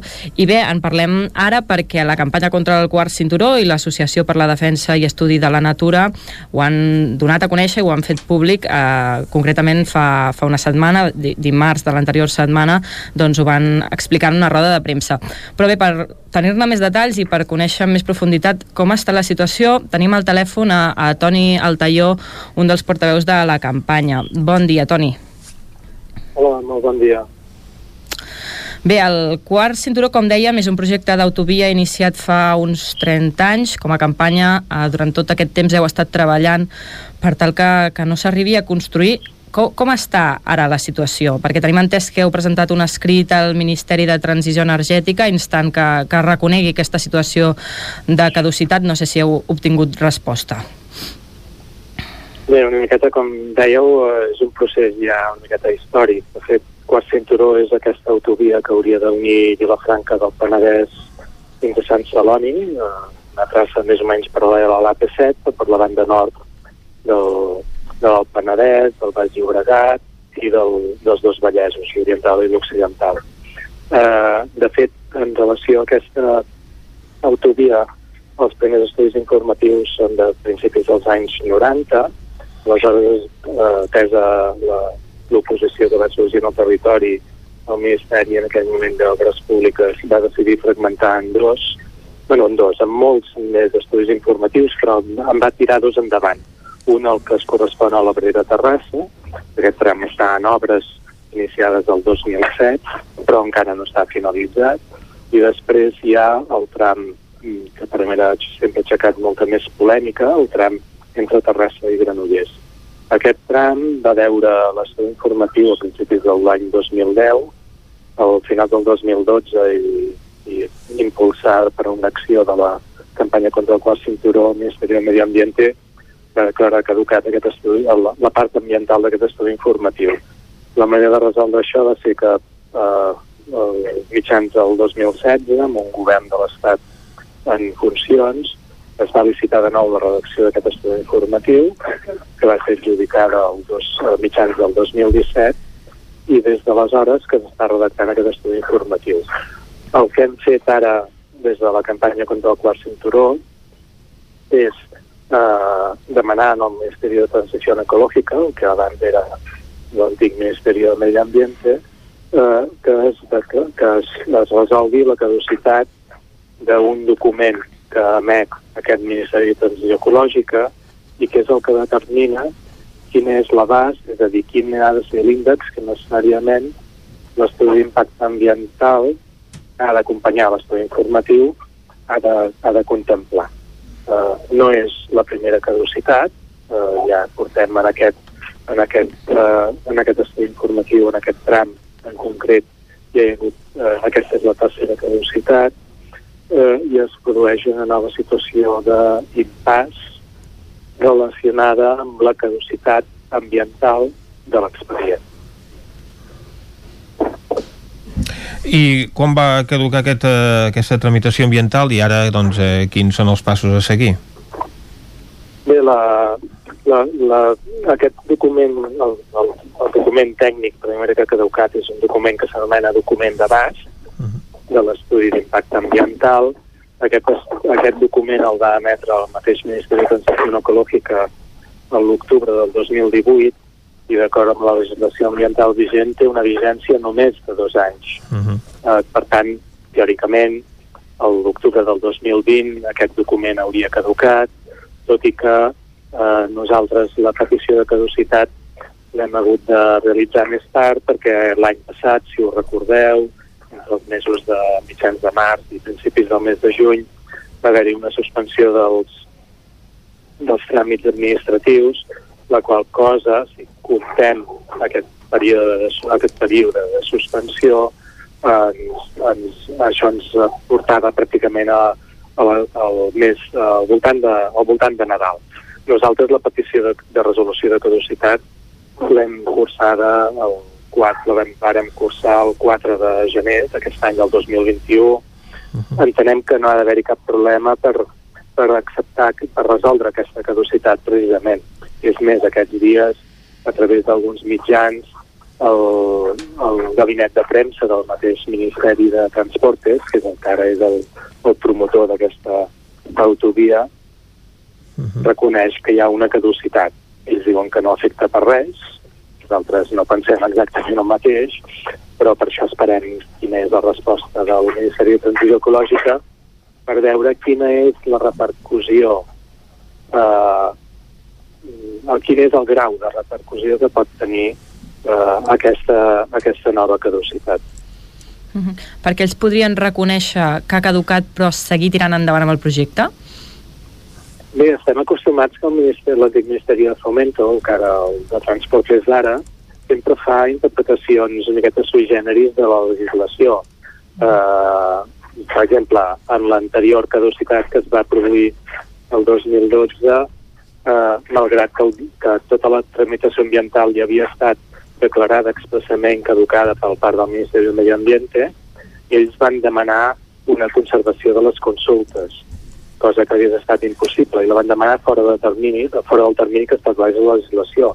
Al final el Ministeri del Medi Ambiente va, els hi va fer cas i els hi va donar, els hi va conservar les consultes, fet que va permetre que a l'estudi informatiu sortís la informació pública el 2010. Nosaltres esperem que ara no passi el mateix. Però tenint en compte eh, eh, aquesta manera absolutament esbiaixada que té el Ministeri de Transportes amb caràcter històric la interpretació de la legislació ambiental, sobretot la part ambiental, eh, doncs mm, hem d'estar amatents. Evidentment nosaltres fa molt temps que anem seguint aquest expedient i per dir manera ja, ja intuïm per on es produeixen les desviacions, però eh, haurem d'esperar aquesta vegada a veure si el Ministeri de Transició Ecològica no ha fet només un canvi de nom de Ministeri de Medi Ambient i Ministeri de Transició Ecològica i és una miqueta més estricta uh -huh. en la lectura de la legislació ambiental. Uh -huh. I quin és el cost de, de tot plegat? Perquè aquí estem parlant doncs, eh, d'un doncs, projecte doncs, molt gran i que a més a més ja només el, el propi estudi d'impacte ambiental doncs, també té, té un cost considerable. Sí, uh, mira, la, la redacció d'aquest estudi, estudi informatiu l'any 2017 va ser adjudicat per al voltant d'un milió d'euros, 960 i pico de mil d'euros. Uh -huh. És a dir, només per això, només per fer l'estudi informatiu. Quan va sortir la informació pública el 2010 del tram Terrassa-Granollers, es parlava d'un cost, eh, en l'estudi informatiu es parlava d'un cost de 300, al voltant de 400 milions d'euros. Uh -huh. Nosaltres, nosaltres, aplicant el cost quilòmetre del tram que estava en construcció i adjudicat del Terrassa a Abrera, el cost es disparava al voltant dels 700 milions d'euros. I si fèiem cas del el que en el seu moment estava dient la Generalitat de modificacions que s'haurien de fer en el projecte, el cost final s'acostaria al voltant dels 1.000 milions d'euros, és a dir, una quantitat gens menys preable. Jo diria que en els escenaris que estem actualment de crisi derivada de la, de la pandèmia, segur que se'ns acuden molts llocs on destinar mil milions d'euros. Moltíssims, no? No cal que en fem la llista, però moltíssims. Uh, de fet, uh, clar, això és la part que nosaltres sabem. Però, per exemple, l'estudi informatiu del 2010 ja va costar al voltant d'un milió i mig d'euros i per exemple, la construcció del tram entre Terrassa i Abrera, que costa al voltant dels 300 milions, hi ha hagut moltes modificacions d'obra i eh, nosaltres estem precisament recopilant informació per veure quin és el cost final, intuint que el cost és molt més elevat. Aleshores, moltes vegades se'ns diu no, és que els estudis informatius, bueno, de fet, els estudis informatius ja porten un estudi econòmic de viabilitat, que acaben venint a demostrar que l'estalvi que es genera a través del temps que els usuaris d'aquesta autovia, autovia hipotètica tindrien, traduït en diners, permet a l'Estat afirmar que surt més a compte fer aquesta inversió perquè genera un estalvi, un estalvi ciutadà, per dir-ho manera, no? Mm. Clar, amb l'estudi informatiu del 2010 ens deien que costava 300 i pico de gairebé 400 milions d'euros i resulta que el preu de la benzina amb què comptaven, aquest, el traduïen el temps estalviat en cost de benzina, resulta que era un preu que era molt per sota, si no recordo malament, era un 60% només del cost real que tenia aquells moments el preu de la benzina en el mercat obert, en el que nosaltres consumim. I els números donaven just. Si només en aquells moments que haguéssim aplicat el cost de la benzina real, el cost, l'estudi cost-benefici de, la de la inversió d'aquesta infraestructura, ja no apareixia per enlloc, no? Uh, és a dir, una cosa és com és, què és el que costa, una altra com es justifica, si està ben justificat, i l'altra és si la inversió ara mateix no seria més adequat prioritzar-la per establir veritablement una xarxa de transport col·lectiu en els dos Vallesos, perquè això ens ajudaria a reduir la pressió que tenim sobre les carreteres actuals i, per tant, donaria una major seguretat, sempre que els trens funcionin bé, una major seguretat en el que és el transport de les persones, en la mobilitat obligada, el treball, els estudis. Nosaltres entenem que en els escenaris de sostenibilitat que totes les administracions ens diuen i de lluita eh, d'emergència de, climàtica declarada, les prioritats de les inversions de l'Estat i de la Generalitat han d'anar necessàriament orientades a construir un robust sistema de transport públic col·lectiu en el Vallès. Uh -huh. I ara a l'espera de la resposta del Ministeri, mm, doncs quins eh, passos penseu seguir? Bé, de moment hem d'esperar. Ens toca obligar, obligatòriament esperar un parell de mesos, eh, que o sigui, a principis del mes de març, precisament, el Ministeri de Transició Ecològica ens hauria, ens hauria de respondre aquesta caducitat. Nosaltres entenem que només té una possible resposta i eh, després haurem de veure, intentar establir una interlocució amb el Ministeri de Transició Ecològica, que fins ara no han pogut tenir mai, per veure quin és l'abast, la, la conseqüència directa d'aquesta caducitat en la redacció de l'estudi informatiu. Nosaltres en tenim una opinió formada, ens agradarà eh, escoltar el Ministeri de Transició Ecològica i sobretot veure de quina manera és una altra interlocució que tenim pendent de, pendents d'obrir de quina manera el, el Ministeri de Transportes afronta la situació. Nosaltres Toni, se'ns acaba, se'ns acaba el ah, temps. Perdona, sí, sí.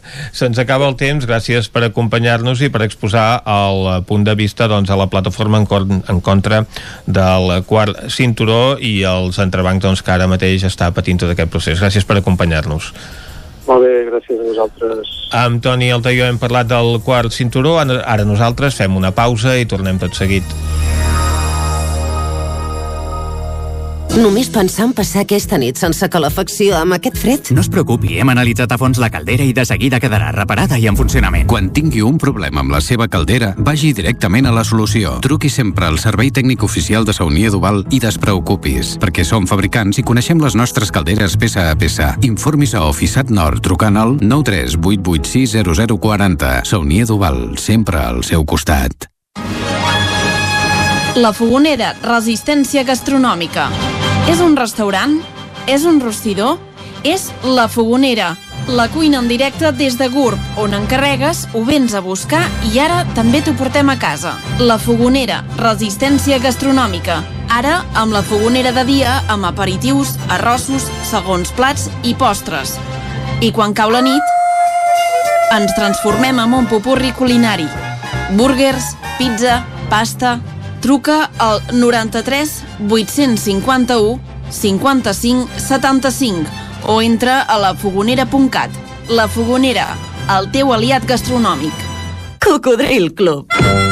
Si t'agrada la bona música dels anys 60, 70 i 80, escolta el 9 FM als matins de dissabtes i diumenges d'11 a 1.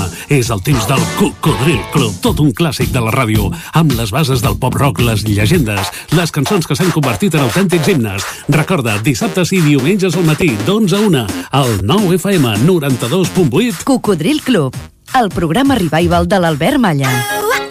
Hasta luego, cocodrilo. Cobertes serveis funeraris. Els nostres tanatoris estan ubicats en els nuclis urbans més poblats de la comarca d'Osona per oferir un millor servei. Tanatori de Vic, Tanatori de Manlleu, Tanatori de Centelles i Tanatori de Roda de Ter. Sabem que són moments difícils i per això el nostre compromís és atendre-us en tot moment amb un tracte humà, sensible i respectuós. Cobertes serveis funeraris. Telèfon 24 hores 93 883 23 46. Anuncia't al 9FM. La màquina de casa. 9 3 8 8 9 4 9 4 9. Publicitat arroba al 9FM.cat. Anuncia't al 9FM. La publicitat més eficaç. A Vic, T52. Solucions personalitzades. Dissenyem i produïm màscares personalitzades per a empreses, clubs o col·lectius a partir de 10 unitats. Disposem de dissenys propis per a particulars. Aconsegueix fins a un 30% de descompte. T52. Ens trobareu al centre, al carrer 941 i també a l'Horta Vermella, al carrer Menéndez Pelayo 31. Més informació a t52.cat. El.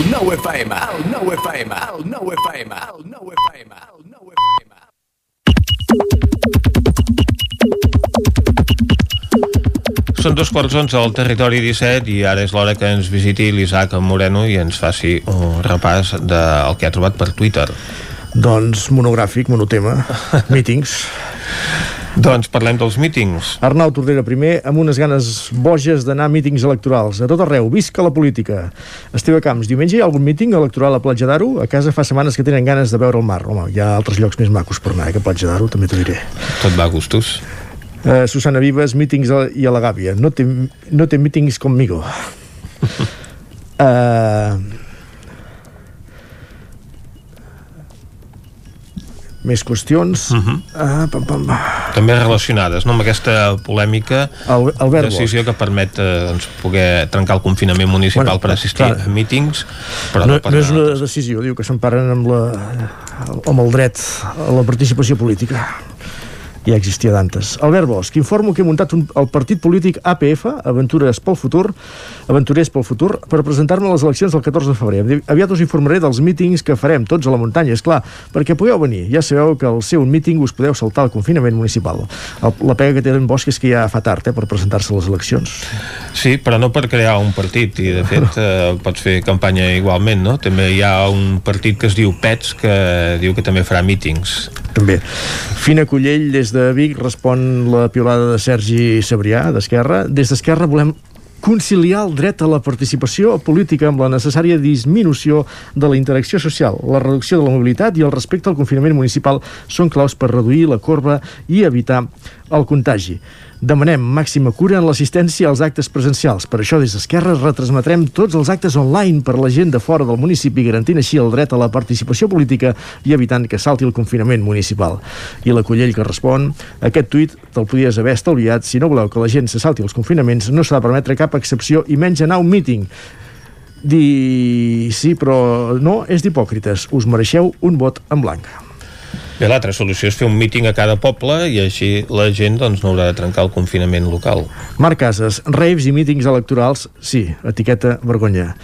Pep Tines, atenció, corre la veu que al Teatre Sirvianum també s'hi faran mítings. Hem tingut accés a l'agenda de cinema de muntanya fins al 29 de gener, de màgia del Lari el 30 de gener, de coses excepcionals el 7 de febrer. Usonencs i usonenques podeu anar a mítings que no contagin. Etiqueta cultura segura i ha algun altre en la, tots en la mateixa línia Núria Sallarès doncs votar el partit que decideixi no fer un sol míting presencial per preservar la salut de les persones tot el de més és un escàndol altres qüestions, la Xènia Santigosa comparteix un treball de quan anava a primari i feia cinquè que el va titular Los Panda, sense accent, Los. Diu, alguns diran que vaig fer una falta ortogràfica al títol d'un treball. Jo diré que ja era una visionària i que amb 10 anys ja sabia que aquell accent diacrític l'acabarien traient. Miquel Macià, em pregunten a veure si l'homenatge a les víctimes dels atacs aeris de 1938 a Vic se celebra, com cada any, diumenge que vem. Compta com un acte electoral i s'hi pot anar des d'altres municipis. I acabem amb Roger Puigdecanet. Montserrat és on desembocaven les immenses glaceres de la serra de Tramuntana de Mallorca, que tenia eh, uns 6.000 metres. I ara preocupeu-vos pel canvi climàtic i jo pel sentit de la vida. Anem a veure què treuen en portada les diferents edicions del 9-9. Comencem per la del Vallès Oriental, que diu baixa la taxa de reproducció de Covid-19 al Vallès Oriental, una exposició de merda a l'Atmetlla, és com s'ha titulat aquesta crònica, condemna un any de presó als, als responsables d'una granja de Lliçà d'Amunt on es van trobar més de 40 ovelles i cabres mortes i una dona i infants i un infant ferits menys greus en un xoc entre un camió i un turisme a l'AP7 a Mollet. Ràpidament carreguem la portada vermella, la de l'edició d'Osona i el Ripollès del 99.cat. Gairebé el 40% de les defuncions per coronavirus a Osona i el Ripollès han estat en residències. Tornen a posar concurs l'única nau de Gombrèn. Aleluia, després del Glòria, i preocupació entre els productors de llet d'Osona perquè les grans empreses els paguen la llet per sota del preu de cost. Res de nou. Doncs amb aquest repàs el que eh, treuen ara mateix les edicions digitals del 9-9 tanquem aquí la col·laboració de l'Isaac Moreno. Bon dia. Territori 17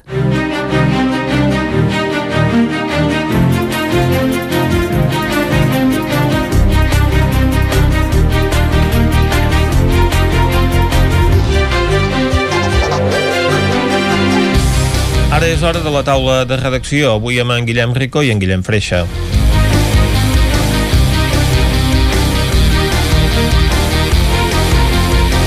Començarem parlant en primer lloc amb en Guillem Rico del ple que ha celebrat l'Ajuntament de Torelló. Guillem, bon dia. Bon dia, doncs sí, dilluns hi va haver el ple corresponent al mes de, de gener, un ple bastant de tràmit, però sí que es va parlar de, de l'aigua, perquè recordeu que fa dos anys i tres mesos eh, el ple de Torelló, encara en el mandat passat, va acordar eh, que delegaria la, la gestió de l'aigua en baixa a no, a l'empresa pública que creés el Consell Comarcal. Uh -huh. Això han passat, de, ells confiaven que, això ho aprovaven al ple de l'octubre del 18, confiaven que en aquell moment aprovaven una pròrroga fins a l'agost següent perquè comptaven que llavors ja es podien connectar a aquesta empresa però han passat això, com dèiem, dos anys i tres mesos i això encara no, no està així uh, vam parlar d'això per què? Doncs perquè Sorea, que és l'empresa que uh, està gestionant l'aigua des de l'any 89 a Torelló, ara amb aquesta pròrroga de fet són dues pròrrogues uh -huh. uh, perquè llavors se'n va aprovar una segona per, fins que es faci aquest canvi um, va, ha fet un canvi de nom i ara a partir d'ara doncs, eh, el servei passarà a ser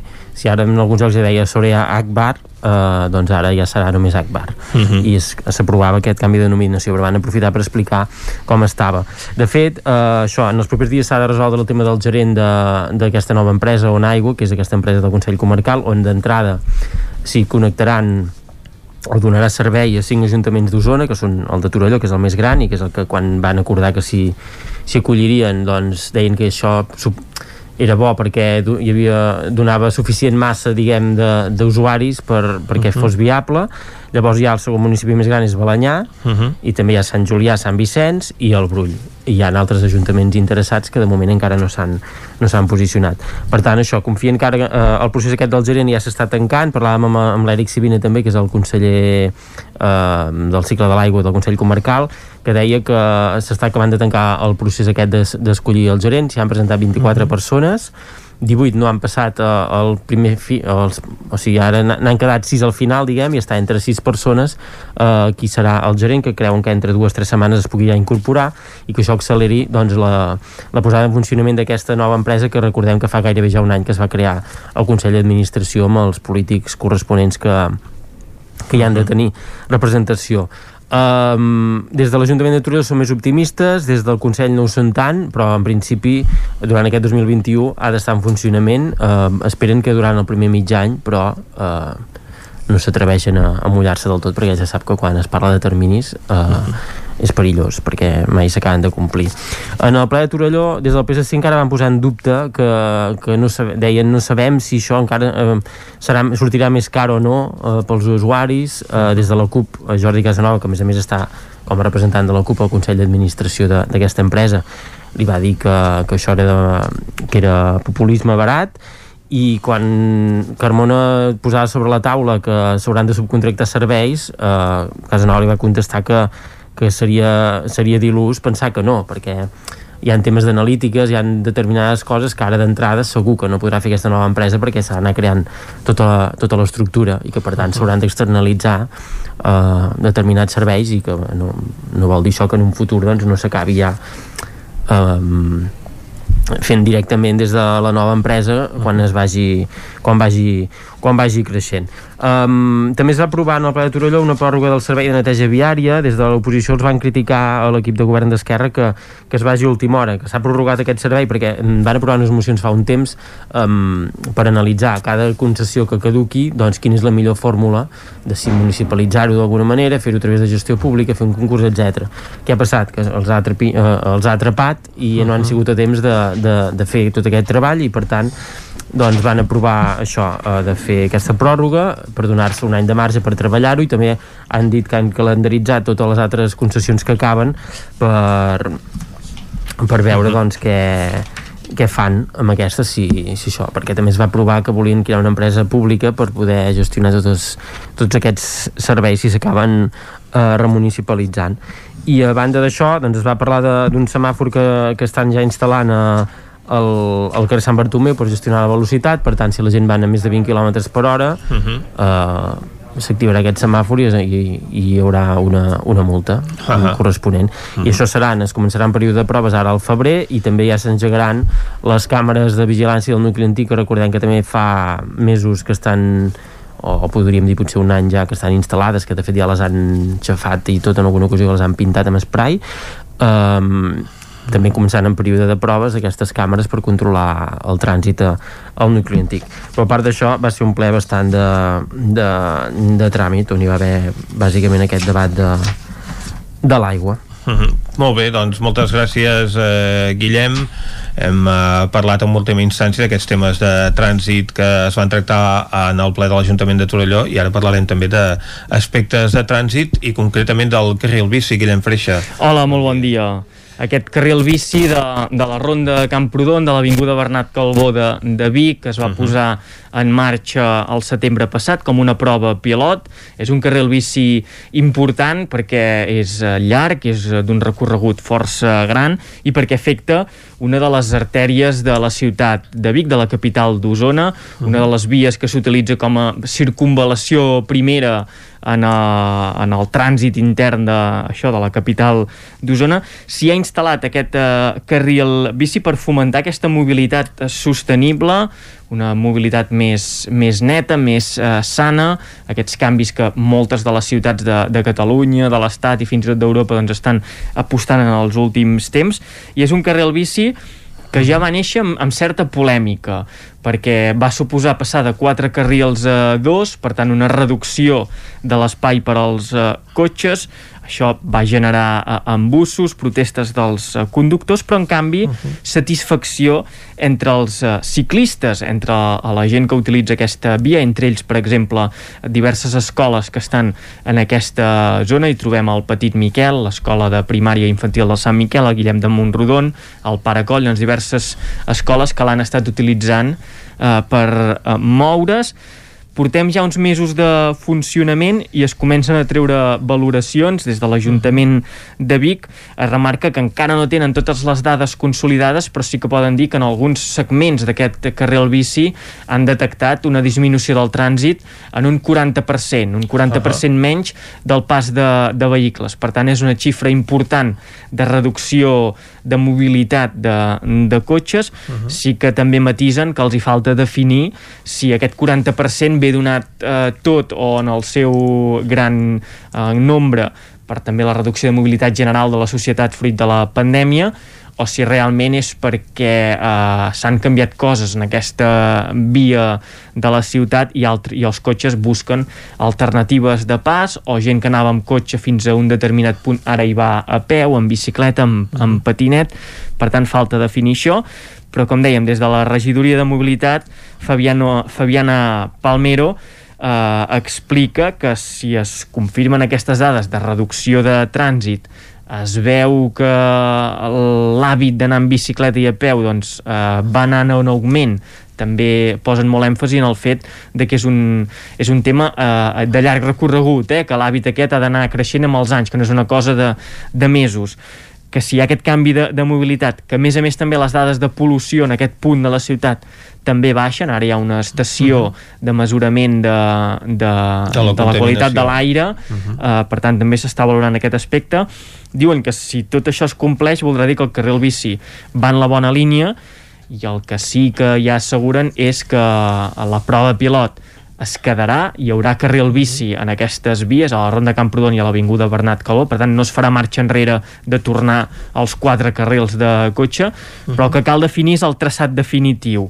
I quina és una mica la polèmica? La polèmica és que ara va pel costat, el carril bici, en el tros de la Ronda Camprodon, i s'està valorant si la millor opció seria traslladar-lo al centre de la calçada, al centre dels eh, dos carrils que ara amb cotxes per ha, banda i banda amb cotxes per banda i banda. Això, al seu entendre, tindria coses positives perquè no hi haurien les interferències que hi ha ara en el carril bici de vehicles que fan càrrega i, i descàrrega, uh -huh. per tant invadeixen el carril bici, eh, els canvis de direcció a dreta i esquerra que també han de travessar el carril bici els eh, cotxes, per tant creuen que es podrien solventar aquestes interferències però des de l'altra banda els ciclistes doncs exposen diversos motius en què clarament suposen a que es posi al centre de la calçada el carril bici entre els molts motius que esgrimeixen hi ha, eh, per exemple, que augmenta el risc, que el ciclista no se sent tan protegit amb vehicles a banda i banda i les opcions de patir un sinistre, que un cotxe entri al carril i se t'emporti per davant es multipliquen, perquè ara tens eh, cotxes a banda multipliquen per dos, no? i banda, exacte. I també que eh, la practiciti- la practicitat d'aquest carril bici també disminueix, perquè per accedir-hi has d'anar a un punt de poder entrar cap a dintre del carril bici, això vol dir a un pas peatonal, eh, arribar en aquest pas peatonal, anar fins al mig de la calçada i començar a pedalar. En canvi ara pares, puges a la cera, vas a peu, eh, per tant és molt més pràctic utilitzar el carril bici d'aquesta manera. Com dèiem, no veuen motius tècnics de fer aquest canvi cap al centre de la via i remarquen sobretot que el problema no és el carril bici, sinó els cotxes que ho fan malament, que fan aquest càrrega i descàrrega on no hi ha espai per fer càrrega i descàrrega, Mhm. que invadeixen un carril bici que està pensat per la circulació de vehicles de mobilitat personal i demanen que abans de prendre cap decisió doncs se'ls tingui en compte i es eh, consensuï quina és la millor opció. Des de l'Ajuntament ja han reconegut que un cop tinguin l'estudi fet ho posaran sobre la taula que no es prendrà una decisió política sinó eh, en busca del, del bé de la mobilitat. Veurem com evoluciona però aquesta polèmica eh, de, de ara està al costat que es vol o s'està analitzant traslladar-lo al centre i els ciclistes no, no ho acaben de veure bé. Ja per acabar, totes aquestes accions de mobilitat també han d'anar acompanyades a Vic de l'aplicació de la ciutat 30, el que vol dir que en la majoria dels seus carrers no es podrà superar els 30 km per hora eh, quan circulis en, en cotxe. En teoria, dins les properes 4 setmanes s'han de començar a col·locar els senyals de trànsit que indiquin aquesta nova mesura i per tant la gent que entri a Vic amb cotxe no podrà passar d'aquests 30 km per hora Mhm. Mm, si un dia aneu amb cotxe proveu d'anar a 30 km per hora veureu que quasi bé et surt més a compte eh, anar a peu, deixar el Ahà. cotxe a les afores de, de la ciutat en aquests eh, aparcaments que hi han en, en punts um, com poden ser a la zona del cementiri l'entrada de Vic per la zona del Remei i entrar a peu Home, s'ha de córrer molt per anar a 30 per hora. Sí, però amb cotxe anar a 30 per hora és, és, és Complicat. pesat i a més a més gastes molta més eh, Mhm. gasolina, tot una mica es multiplica i la voluntat de tot plegat és fomentar que la gent es mogui més amb, a peu i amb bicicleta i amb, fins i tot amb, amb patinet que no pas amb el vehicle que per cada vehicle doncs, es dedica molt, molt espai, s'ha de tenir aparcaments molt grans, el tema de la contaminació, per tant tot enfocat en aquesta revolució de la mobilitat que s'està preparant a, a Vic.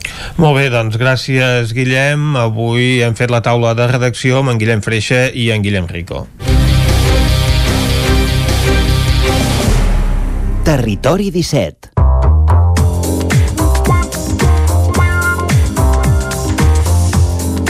I quan passen ja un parell o tres de minuts de tres quarts d'onze del matí, arriba el moment del Lletra Ferits, la secció que setmanalment dediquem a parlar de llibres i literatura aquí a Territori 17. I avui, Vicenç, eh, diguem que estàs molt ben acompanyat Oh, aquí a l'estudi, perquè per fer la secció eh, t'acompanya la Dolors Altarriba Sí, senyor. i l'Ester Ferrés, directora de la Biblioteca de Vic, oi que sí? Exactament, la Dolors avui ens ha portat una convidada i amb ella doncs, parlarem del funcionament de la Biblioteca de Vic, no, Dolors? Bé, no, no, sí, el funcionament eh, és, és, és, és fàcil d'entendre, És a dir, no parlarem d'un llibre, sinó de molts. però, eh, exacte, no parlem d'un llibre eh, en concret, sobretot perquè parlarem d'un projecte de guia de lectura per a infants i joves que, que s'està fent des de la, biblioteca, de la Biblioteca de Vic, ja fa, em sembla, un parell d'anys. Uh, bon dia, Esther. Hola, bon dia, Dolors. Moltes Esther gràcies Ferrés. per convidar-nos. Esther Ferrés, que és la directora de la biblioteca i que ens explicarà una mica això. S'ha fet impulsat des de la biblioteca d'aquí de Vic, però amb l'ajuda d'altres col·laboradors, altres biblioteques, la, la llibreria El Petit Tresor, Mm, i, i bé, és un, és un projecte que ja ha permès que es publiquessin dues de les tres guies previstes que hi ha per a, de, que és una guia de llibres per a, per a nens i nenes la primera va ser de, pels de 7 a 9 anys i la segona dels de 10 a 12 eh, i ara ja s'està treballant amb la de a partir dels 13, no? Uh. -huh. Però una mica, Esther, com va, eh, com va començar aquest projecte? Per què es va fer? Quin, quin era l'objectiu? Uh, sí, aquest projecte neix perquè Uh, arriba un moment que una, una biblioteca de la comarca, la Biblioteca de Tona, no, planteja de, que estaria bé que els professionals de la comarca d'Osona, que, que estem a les àrees infantils i juvenils de les biblioteques, compartíssim tot aquest coneixement que tenim. No? I, I a semblança del que es fa a Barcelona, la llibreria Lots, que es feien unes tertúlies mensuals, proposa parlar amb, amb la llibreria El Petit Tresor, que és l'única llibreria especialitzada en literatura infantil i juvenil de Vic, i fer aquestes tertúlies uh, de manera mensual. I llavors uh -huh. ens posem en contacte amb en Germán del Petit Tresor que acull encantat la, la idea de, de fer una trobada doncs, cada mes i és així, que eh, el primer dilluns de cada mes ens trobem totes les persones que estem interessades en literatura infantil i juvenil de les biblioteques però també s'hi van afegint persones que venen d'altres àmbits, promotors de la cultura, alguna vegada ha vingut alguna rondallaire, i ens trobem això, el Petit Tresor, per parlar de llibres. En, en Germán ens dona a conèixer les novetats editorials, parlem també de clàssics, i doncs, mica en mica, no? Uh, després d'això, de dos o tres anys de tertúlia, tenim la necessitat de fer com un pas més, no? de dir, potser ara és el moment de constituir-nos com, en gru com a grup, posar-nos un nom, a buscar un logo, un, una imatge que ens identifiqui i donar-nos a conèixer, no? I així neix el col·lectiu Osona League, que també m'agradaria dir que té un logotip que ha, di ha dissenyat un Cristian Inaraja, no? Un, un il·lustrador de la comarca, i per tant, doncs, bueno, molt contents de com s'ha desenvolupat tot. Clar, així us ho lligueu una mica tot, eh? Diguem-ne, i, i, i participa una mica tothom. Exacte.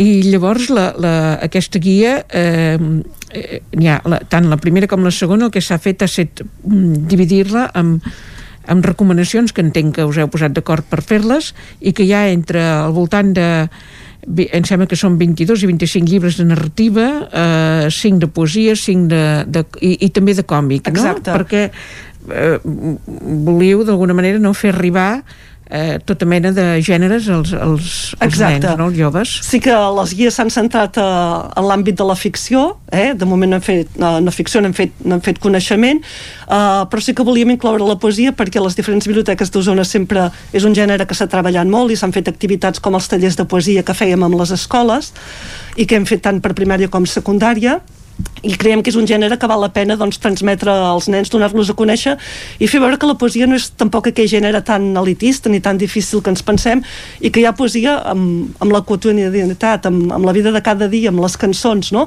I els volíem acostar a la poesia d'una manera diferent i a més s'han publicat llibres molt bons de poesia igual que el còmic, no? Que potser en el seu moment semblava que llegir còmic no era per aquells nens que no els agradava gaire llegir mm -hmm. o que era un gènere de menor qualitat i al contrari, nosaltres defensem que hi ha còmics tant per adults com per infants de molt bona qualitat que tracten temes molt bons i molt seriosos i que val la pena doncs, fer arribar també aquest tipus de llibre uh, als nostres lectors. I ara esteu preparant el que seria la tercera guia, eh, crec que i última ja poder, perquè, o no sé, eh, en fi, seria la que, la que es fa a partir dels 13 anys, no sé si hi ha Exacte, sí. Com tu has dit, vam començar per uh, les edats de 7 a 9, llavors va venir la guia adreçada a 10 i 12 anys, i ara fem la de 13 fins a 17, més o menys, no? Ens quedarien potser els petits lectors, no? Els de, de menys de 7 anys, no? De, de 0 a 5, i per tant, uh, la nostra voluntat és cobrir tot l'espectre le- lector, l'àmbit de la ficció. I llavors, com que és un projecte viu i el col·lectiu Osona League té ganes de treballar per la, la literatura i els llibres, estic segur que la, la guia de novel·la juvenil no serà la darrera, ni molt menys. Uh -huh. I, I amb quin, quina mena de llibres eh, eh, eh, plantegeu ara per aquesta ju- juvenil, que potser és la que a vegades poder costa més, o si més no hi ha la percepció de que a partir d'aquesta edat, amb els mòbils ja, eh, els nanos no, no llegeixen, no? Sí, sí que és veritat que són edats més complicades, no? A vegades nanos que eren molts lectors en aquesta edat doncs deixen per un temps la, la lectura, però sí que és veritat que, que hi ha lectors d'aquesta edat que són molt lectors i que llegeixen molts llibres, no? I llavors, ara en, aquest, en aquests moments cadascuna de nosaltres està llegint llibres, proposant llibres, i ara que aviat farem una reunió, doncs cadascuna eh, defensarà els llibres que ha triat, no? I d'aquesta reunió i de properes reunions que realitzarem doncs sortiran els llibres que figuraran a, a la llista, no? I, i ens n'has portat un dels que, dels que potser figurarà a la llista? Que, Exacte, sí. Uh, aquest llibre que, que us he portat avui és La casa de Mango Street, no? que jo crec que té tots els números per, per sortir a la guia, perquè també ve velat pel, pel llibreter, per en Germán del Petit Tresor, i moltes companyes de la comarca també ja m'han dit que que els hi ha agradat molt, vull dir que suposo que serà un dels més, un dels més votats. És, és un llibre per, per, per específic per, per juvenil, per, per joves o, o també ja podríem estar en aquell punt de que pot servir tant per joves com per adults. La col·lecció que... El llibre que he portat pertany a la col·lecció L'altra tribu, que en principi és una col·lecció per a joves, no? És, uh, també així aprofito per parlar una mica d'aquesta col·lecció que està molt bé que hagi sortit, que pertany a l'altra editorial, i que és una col- col·lecció que s'adreça a joves d'entre 12 12, uh, i 16 anys per proposar-los doncs, lectures que els entretinguin, que els diverteixin, que els formin una mica el seu esperit crític i que els ajudin a entendre el món. Uh, però també és veritat que és un llibre que pot interessar al públic adult, perquè, com s'acostuma a dir, i jo uh, i, crec, per, i crec en aquesta premissa la bona literatura no, no té edat. Per tant, aquest llibre tant pot agradar tant a joves com, com a un públic adult. Uh -huh. Quan tindreu aquesta llista, ja ho sabeu, o quan, o aquesta nova guia, diguem-ne? En principi ens hem marcat uh, per publicar-la al, al maig. Ah, molt bé. Al maig volem tenir la, la guia.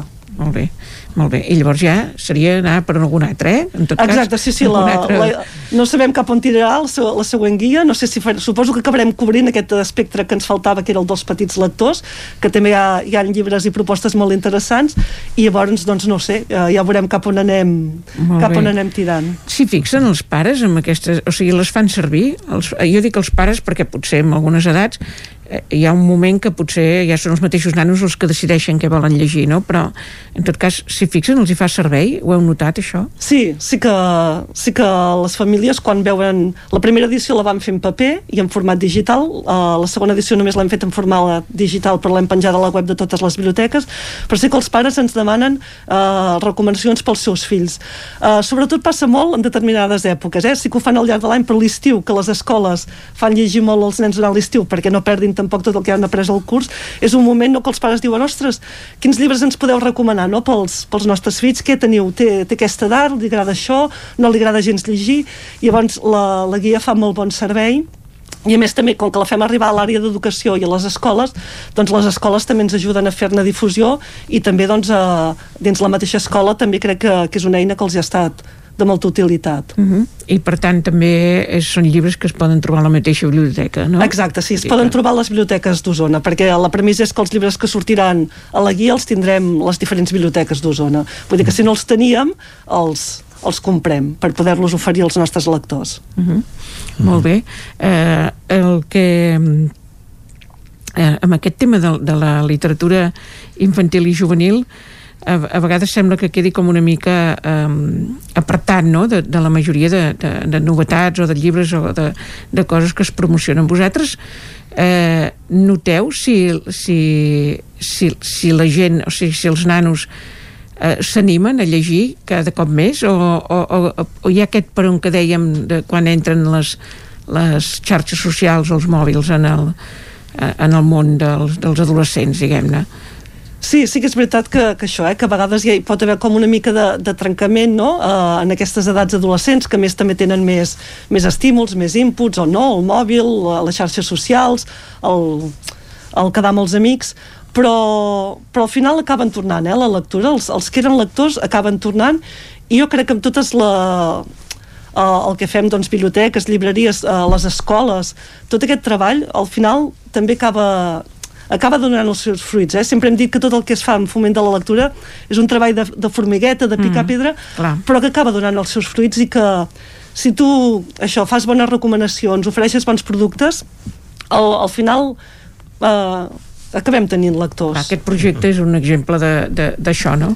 Exacte, sí, Perquè, sí. a més a més, permet lligar tota, tota la gent interessada o, o eh, que pugui participar en el projecte de, de la comarca, no? Exacte, sí, sí. Uh, la virtut del projecte és que és un, és un projecte de, de comarca, però a més, això, amb col·laboració amb els llibreters, perquè en Germán del Petit Tresor és l'alma, l'ànima mater no, d'aquest projecte, el que possibilita que tinguem trobades amb editors de, de literatura juvenil i infantil, el que ens promou trobades amb autors o a vegades organitzem alguna activitat amb il·lustradors, no?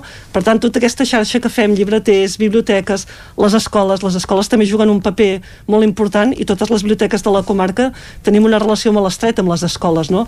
Perquè a més totes també treballem per aquest objectiu, no? De, de formar de formar nous bueno, futurs ciutadans que siguin crítics, no?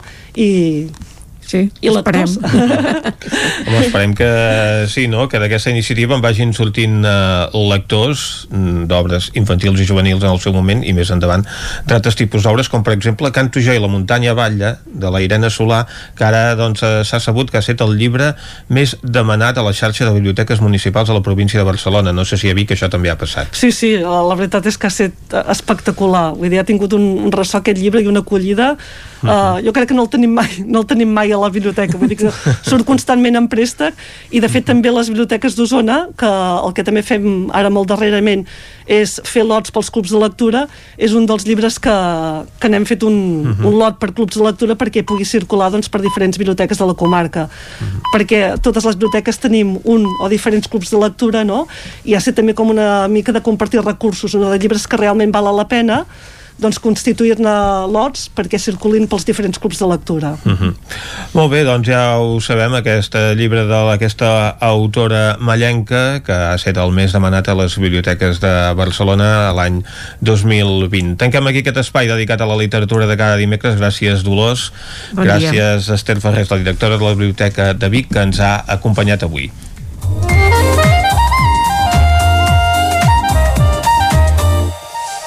I quan passen 40 segons de les 11 del matí, el que fem ara és acostar-vos de nou l'actualitat de les nostres comarques, les comarques del Ripollès, Osona, el Moianès i el Vallès Oriental. Territori 17, amb Vicenç Vigues i Jordi Sunyer.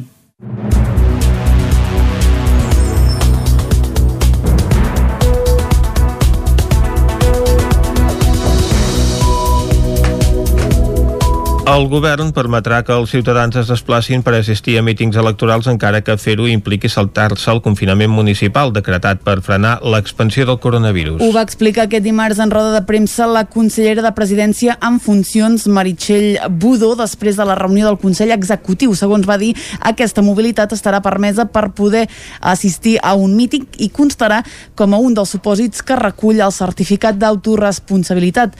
Per la portaveu del govern cal preservar el dret a la participació política malgrat la pandèmia de Covid-19 i això va dir inclou l'assistència a trobades polítiques que ja estaran preparades. Amb les eleccions previstes de moment pel 14 de febrer en ple pic de la tercera onada, Budó va admetre que preocupa al govern la participació que pugui tenir aquests comicis, però va garantir que s'està treballant perquè se celebrin amb total seguretat. No va concretar quines mesures concretes s'afegiran a les dels protocols que ja s'han fet públics ni ha especificat si finalment es faran proves tipus PCR o d'antígens als membres de les meses electorals. Una vintena d'empreses impulsen projectes d'innovació sanitària a Osona. Una vintena d'empreses d'Osona van presentar projectes d'innovació sanitària en una jornada que es va fer de forma virtual el passat dijous organitzada pel Consorci Hospitalari de Vic.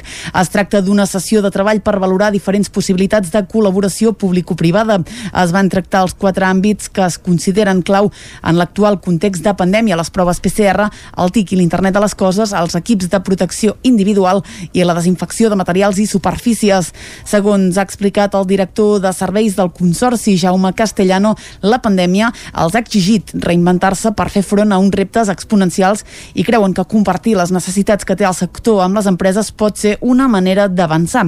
Per la seva banda, el director de gestió del Consorci, Ramon Ortiz, va voler recordar que el teixit empresarial d'Osona va respondre des del primer moment quan va començar la pandèmia i va agrair la participació de les empreses. Preocupació entre els productors de llet d'Osona perquè les grans empreses els paguen la llet per sota del preu de cost. El ramader Vicenç Febrer té una granja amb 180 vaques a malla i cada dia produeix uns 6.000 litres de llet. Cada litre li costa 0,34 cèntims d'euro i en canvi els cobra 0,32. Això ha fet que s'hagi hagut d'endeutar i a llarg termini assegura pot suposar la desaparició de la seva explotació. De fet, en els últims 20 anys, Catalunya ha perdut el 90% de les explotacions de llet. El problema és que les grans empreses compren la llet per sota del seu preu de cost i els números no surten. Per això els productors de llet reclamen la implicació del govern i apel·len a la conscienciació del consumidor. Al febrer del 2020 el govern espanyol va aprovar un decret on establia que la gran indústria i les envasadores de llet pagarien als productors com a mínim el preu de cost de la llet. Tot i això, els ramaders asseguren que la mesura no ha servit de res. Veïns, representants d'entitats, l'Ajuntament i especialistes s'han trobat virtualment en la primera reunió de treball de la Comissió per reduir l'impacte del soroll de les franqueses. David Auladell, de Ràdio Televisió, Cardedeu.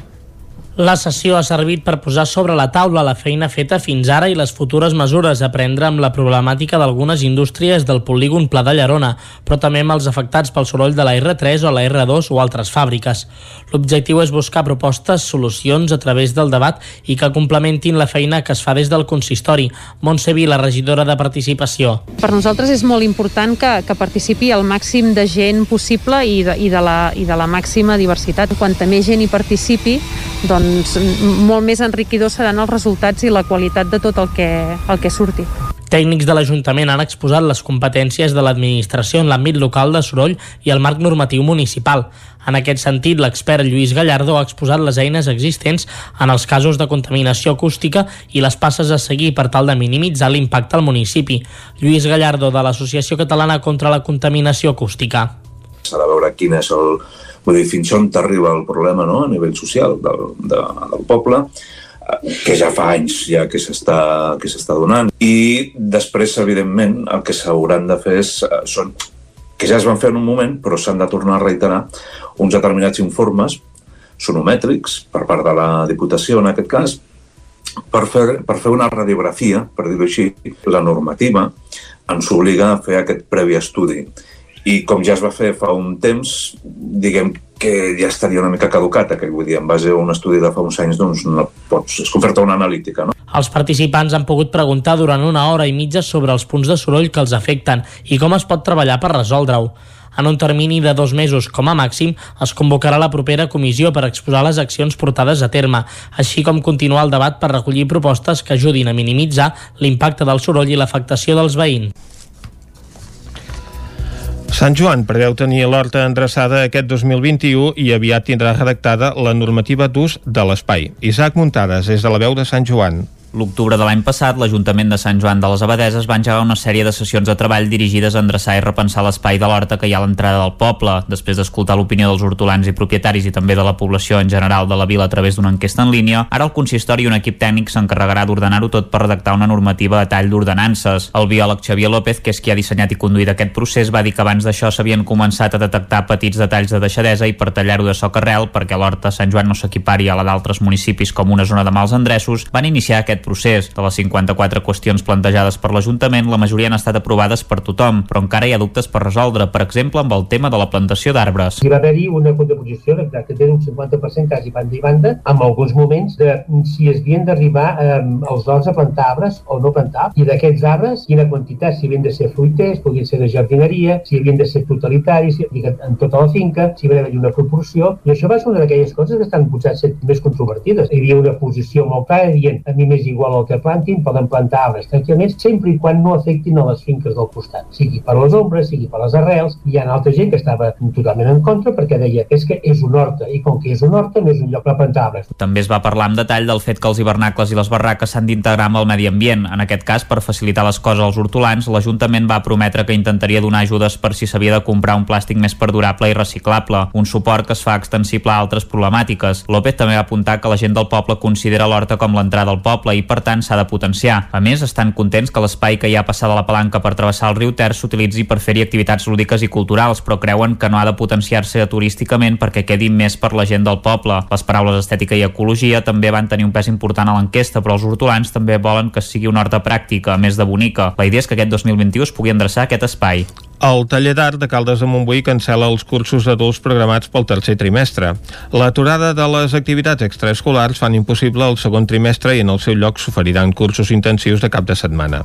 Caral Campàs, des d'Ona Codinenca. Des del passat 7 de gener que les noves mesures per la contenció de la Covid-19 aplicades a tot el territori català impedeixen la continuïtat de les activitats extraescolars d'aquest curs.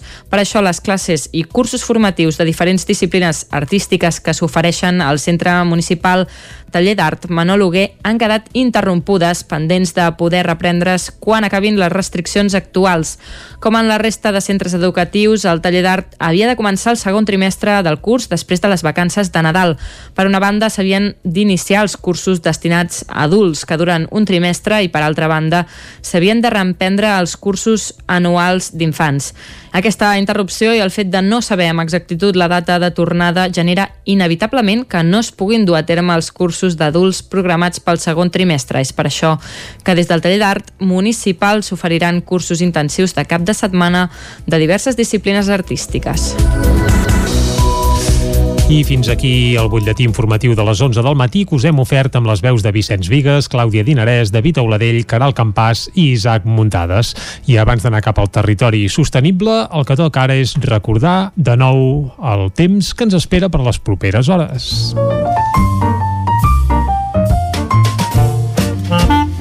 Casa Terradellos us ofereix el temps. I qui ens recordarà el temps que ens espera és el Pep Acosta, que ja ens ha avisat a les 9 i també a les 10 que s'acosta. Atenció, calor, eh? Uh, Pep, molt bon dia. Hola, molt bon dia. Bon dia de nou. Uh, què està passant? Uh, que, no tinc mapes, eh? És una mica complicat. Però imagineu-vos com una bombolla d'aire calent, mm. un matalàs d'aire calent que, que està pujant de les Canàries i de l'Àfrica cap a tota la península ibèrica, cap a tot el sud d'Europa. Mhm. Uh -huh. I aquest eh, bombolla d'aire calent està desplaçant l'aire fred cap al nord d'Europa. Què està fent també? Alhora està arrossegant un petit front, un petit sistema de núvols cap al Pirineu i això està provocant petites pluges que poden eh, fer caure quatre gotes cap al Pirineu. Molt, molt poca cosa, eh? eh tindrem petits gruixats aquest matí cap al Pirineu, si és que arriben a caure, seran molt poca cosa.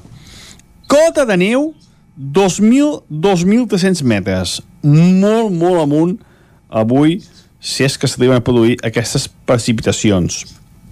Uh, serà això, un dia encanyinat, amb molta mala visibilitat, amb pols en suspensió, mm, no, no serà un dia jo maco, eh? no, no serà un dia amb visibilitat maca, i es anirà carregant l'ambient també d'humitat, um, no sé, serà un, serà una, un temps estrany eh, pel mes de gener, molt, molt, molt estrany en aquestes dates que, que ens trobem.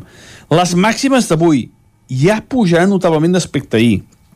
Superem els 15 graus a tot el prelitoral, en alguna població d'Osona i també en alguna, població del Moianès i fins i tot en un lloc del Pirineu crec que podem superar aquests 15 graus.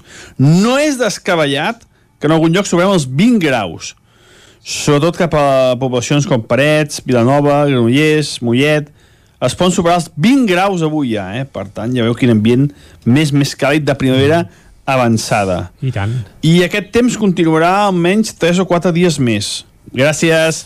Doncs vinga, ja sabem que durant 3 o 4 dies més uh, tindrem bonança. Ah, això mateix. Uh, que després de la Filomena i les fredurades, doncs tampoc té per què ser dolent, tot i que amb en Pep Acosta ja sabem que no li agrada gaire. No, sabem que no li agrada i segurament que és dolent també per les pistes d'esquí, però com que tampoc s'hi pot anar si no ets del municipi, doncs bé, l'impacte sobre l'economia de les estacions d'esquí serà menor aquesta, aquesta època o aquests dies de calor. Bé, segur que si fa calor acabarà de florir, acabaran de florir tots els ametllers del Vallès Oriental, per cert ja n'hi ha de florits, eh? eh? Ens movem per Osona, com que estem confinats municipalment i no ho veiem, però al Vallès ja hi ha els primers ametllers florits, per tant això és que s'acosta la primavera i ara ens venen Però tres dies que toca. eh? Sí, sí, És segurament que sí. Va, fet aquest apunt, ara sí que anirem de seguida cap al territori sostenible. Casa Tarradellas us ha ofert aquest espai. Territori 17. Envia'ns les teves notes de veu per WhatsApp al 646 079 023. 646 079 023. WhatsApp Territori 17.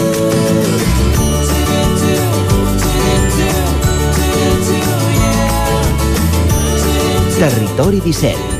Som a Facebook, Twitter i Instagram amb l'usuari Territori 17.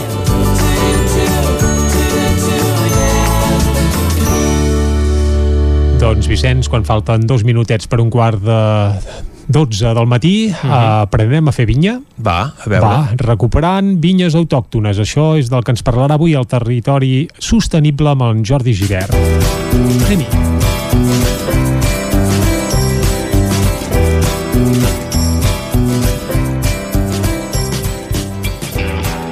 Doncs al programa d'avui ens hem acostat fins a Badal per parlar de com recuperen varietat de, de vinya eh, autòctona. Ens acompanyen Miquel Palau i en Sergi Barrabés, que, que és sommelier.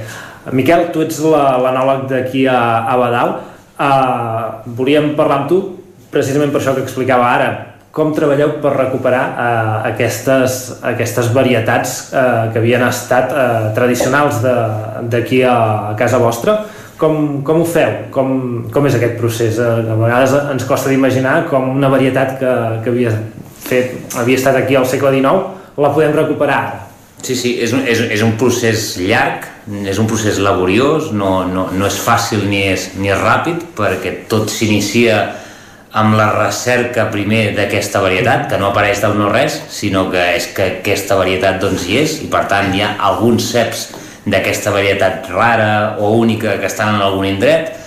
Al Pla de Bages tenim la sort que, un, que és, va estar un territori farcit de vinya del nord al sud, més de 27.000 hectàrees abans de, del segle XIX, mitjans de, de, del segle XIX. Això vol dir que una vegada es va, va desaparèixer el gran volum i la gran massa de vinya després, doncs, degut principalment inicialment a la filoxera, després a l'aparició de la indústria tèxtil, van quedar residus de vinya a diferents indrets, eh, tant a la zona nord, Navàs, Cardona, mm, Castellabral, eh, també la zona est, més la banda de Sant Llorenç del Munt i l'Obac, Talamanca, Rocafort, van quedar residuals no perquè quedessin, sinó perquè doncs, en aquells temps la gent estava acostumada a fer-se el vi a casa seva. Uh -huh. i el que deien doncs, fer-se el vi del gasto, el vi per consum propi Uh, pensem que inclús en aquells moments era estrany això d'anar a comprar vi embotellat. Eh, de fet, no és que fos estrany, sinó que inclús generava desconfiança. Quan algú s'havia fet sempre el vi a casa, fer eh, anar a buscar ampolles de vi doncs era una raresa. Llavors, eh, aquesta gent que es va quedar doncs, aquests, aquestes vinyes per fer-se el vi d'autoconsum, aquestes vinyes eren vinyes que abans havien estat plantades i es van tornar vinyes, moltes d'elles multivarietals, perquè no es perdés una varietat, doncs el pare, l'avi deia, hòstia, agafa una mica, agafa quatre, quatre serments i això empelta-ho aquí davant de casa. Eh, nosaltres en algun moment donat, de fet des de l'inici de, de l'aparició de Badal ja amb la voluntat de tirar endavant amb una varietat que era pròpia de la zona, que era el picapoll, dintre de l'ADN de, i dels objectius de Badal de fer vins de qualitat però amb identitat en el territori estava molt integrat el fet doncs, de recuperar la identitat del territori. Una de les maneres de recuperar la identitat és a través de les varietats. O sigui, m'estàs dient que, que el procés comença potser amb, amb dos, tres, eh, quatre ceps, eh, comenceu a recuperar tota una varietat que, com el picapoll o, o l'amandó, que la mhm. recupereu fins a comercialitzar. Així és, el procés comença amb dir com nosaltres ens enterem de que hi ha alguns ceps eh, vells, bueno, doncs del boca orella surt a dir, escolta, jo faig aquest vi, doncs, i d'on el fas? Doncs de la vinya del costat de casa. Doncs allà saps que... I el meu veí tens altres ceps. Anem-los a veure anem-los a veure, a veure què són, no? a veure si són algo que ja coneixem o és algo que desconeixem. Avui dia la tecnologia ens permet que amb un anàlisi genètic pots contrastar el que aquella varietat és si està dintre de la col·lecció identificada doncs, d'una doncs, universitat o un centre tecnològic i per tant tu agafes un trosset de fulla, un trosset de raïm, un trosset de sarment, el portes a analitzar un laboratori i si el tenen classificat et diuen escolta, doncs això Uh, D'això abans se'n deia Mandó. Dius, ostres, Mandó? Mandó? Comences a buscar bibliografia. Mandó? Ostres, sí, Mandó. Mandó és una varietat que aquí, al segle XIX, finals del segle XIX, era una de les més esteses a la Catalunya central. Ostres, doncs té sentit, si més no, prendre-hi atenció. No? Llavors hi ha dos camins. Eh, una varietat la pots recuperar des del punt de vista patrimonial, de riquesa del patrimoni, sense necessitat de que tingui sentit enològic, és a dir, sense necessitat de que aquesta varietat acabi amb una ampolla i acabi en mans del consumidor, bueno, doncs té sentit des del punt de vista romàntic de recuperar-la. Nosaltres, en el nostre cas, això ho fem. Ho feu també, no, sí, no sí. centreu només en aquestes varietats que voleu comercialitzar. Ho fem perquè és una part que creiem que, que té un valor, que té un valor i que, i que d'altra manera si no s'acabaríem perdent, però principalment ens centrem en aquelles varietats que tenen sentit enològic, que és a lo que ens dediquem Llavors, quan agafem doncs, aquests 3 o 4 ceps, que, o 5, o 10, o 15, o 20, perquè no n'hi ha gaires més, o 50, eh, que ens identifiquen doncs, amb una varietat diferent. Doncs, per exemple, en el cas del Mandon vam trobar un residual doncs, a, a Rocafort, una mica a Navàs, una mica a Cardona, doncs ens posem d'acord amb els propietaris per començar a experimentar, doncs agafar el poc raïm que dona, en molts casos doncs, poden ser 30 quilos de raïm, 40, 50, i analitzem fent una petita microvinificació de dir, ostres, doncs mira, això sembla que la, els sucres que té ens arriba al grau alcohòlic que voldríem i sembla que ens pot... Bueno, doncs anem bé. A partir d'aquí, si ens és interessant, a l'hivern agafem fusta. Agafem fusta, doncs de cada serment de fusta ja una vegada han caigut les fulles, podem fer 3 o 4 o 5 ceps eh, plantats eh, a la vinya sobre, una, sobre un peu americà. Mm. Doncs, bueno, d'un cep podem, podem fer 30-40 ceps. I a partir d'aquí ja comencem a tenir una petita vinya per poder experimentar ja amb un volum minimitzant els riscos doncs, de, de fermentar volums tan petits com 30 quilos. No? Mm -hmm. Clar, llavors el procés eh, és d'anys eh, de passar de, de tenir aquests tres ceps a tenir només la quartera per comer, poder començar a experimentar, no? Sí, sí, podem parlar de processos doncs, de 15, 17, 18 mm -hmm. anys. Nosaltres parlem ja d'un tema generacional, d'un mhm. projecte que comença un i que vés a saber qui en traurà els fruits uh -huh. eh, o qui recuperarà doncs, inclús tota la inversió feta Potser sí, potser són vins que, i et dic que hi ha algunes de respostes aquestes que amb alguna de les varietats que recuperem, com ara el mandó, et dic sí o sí, segur. La mandó és una varietat que tindrà millor adaptació al canvi climàtic que moltes d'altres, perquè és una varietat tardana, perquè en el seu moment també es va deixar de fer servir precisament perquè era tardana i quan arribaves aquí al Pla de Bages doncs a l'octubre ja començaves amb les boires començaves amb les humitats i llavors, ojo, que si no havies fet una bona feina de despampolat i ventilació aquells raïms no acabaven madurant mai ens has parlat de l'amandó, el picapoll va ser no, el primer que veu recuperar. Esteu treballant amb altres varietats, heu treballat amb altres varietats que estigueu recuperant amb la idea aquesta de, de treure al mercat que, que la gent la pugui provar? Sí, més, més enllà de, de, de, de treure-les o no, amb sentit i amb, i amb voluntat mm. d'estudi enològic, sí que, doncs, igual que el picapoll va ser la primera, que no es va arribar a perdre del tot, la picapoll, perquè és una varietat que es va conservar al Pla de Bages, hi ha un treball també intern d'altres que anem trobant, no? doncs com la col·lecció de malvasies que existeixen al Bages o a la Catalunya central, malvasia de Manresa, malvasia Sagarresa, eh, malvasia Roja de l'Estruc, després tenim altres com el Turbat, com el Trobat, tenim el Cap Negre, el Negrelló... Sí, esteu enfeinats. Ja. Estem, sí, sí, no, és, de fet el Bages amb això té un potencial i una riquesa que és magnífica, mm. o sigui, e, és molt maco de poder-ho explicar perquè és una evidència de que el Bages era terra de vins i segueix sent terra de vins, no? I que, Però, que era, hi havia molta diversitat, no? Claríssimament, amb tantíssimes hectàrees, amb 27.000 hectàrees de conreu, hi havia una diversitat, una diversitat enorme, entre altres coses perquè la vinya, eh, el cultiu de la vinya doncs, et podia permetre doncs, dos mesos dos mesos de collita i des de les varietats primerenques a les més tardanes tots els viticultors tenien una mica de tot per anar fent en diferents èpoques no? Llavors la, la pregunta, a vegades amb el Sergi hem anat a visitar altres cellers eh, perquè hem vist, mira, aquí fan sumoll, aquí fan no, un picapoll, eh, clar, són varietats que en diem autòctones, també es fan, per exemple, a la zona del Vallès, eh, eh, o es feien més, més aviat. Eh, n'hem de dir autòctones o com n'hem de dir d'aquestes varietats? No, amb això jo, de fet, us, us, us demanaria que féssim una, una reivindicació entre tots amb que no són varietats autòctones perquè el fet d'ubicar-les només en, en, en una extensió de, de territori o en una regió determinada ens, ens ho fa molt difícil perquè hem de pensar que abans eh, inclús es comercialitzava, es traficava amb material vegetal, no? i el material vegetal es transportava amunt i avall doncs, des del camí de Sant Jaume, amb, doncs, amb l'època on l'església va ser molt forta, i doncs, anava portant des de França fins a Galícia anaven, eh, eh, anaven caminant i entre ells eh, hi havia un intercanvi de material vegetal o pensem només en el transport marítim no? de, de les illes de, o d'Itàlia doncs, fins a la península passant, passant per les illes eh, hi havia una constant de material vegetal i llavors el material vegetal que, que ens pensem que pot ser únic d'una regió el podem trobar en focus de dispersió per altres bandes, no? en l'arc mediterrani. No? Doncs podem trobar eh, doncs, sumoll, eh, a Itàlia també podem trobar alguna variant de sumoll, i això ens n'adonarem que amb el temps, a mesura que les col·leccions genètiques les anem casant entre els diferents països, hi han sinonímies, hi han similituds genètiques entre moltes varietats.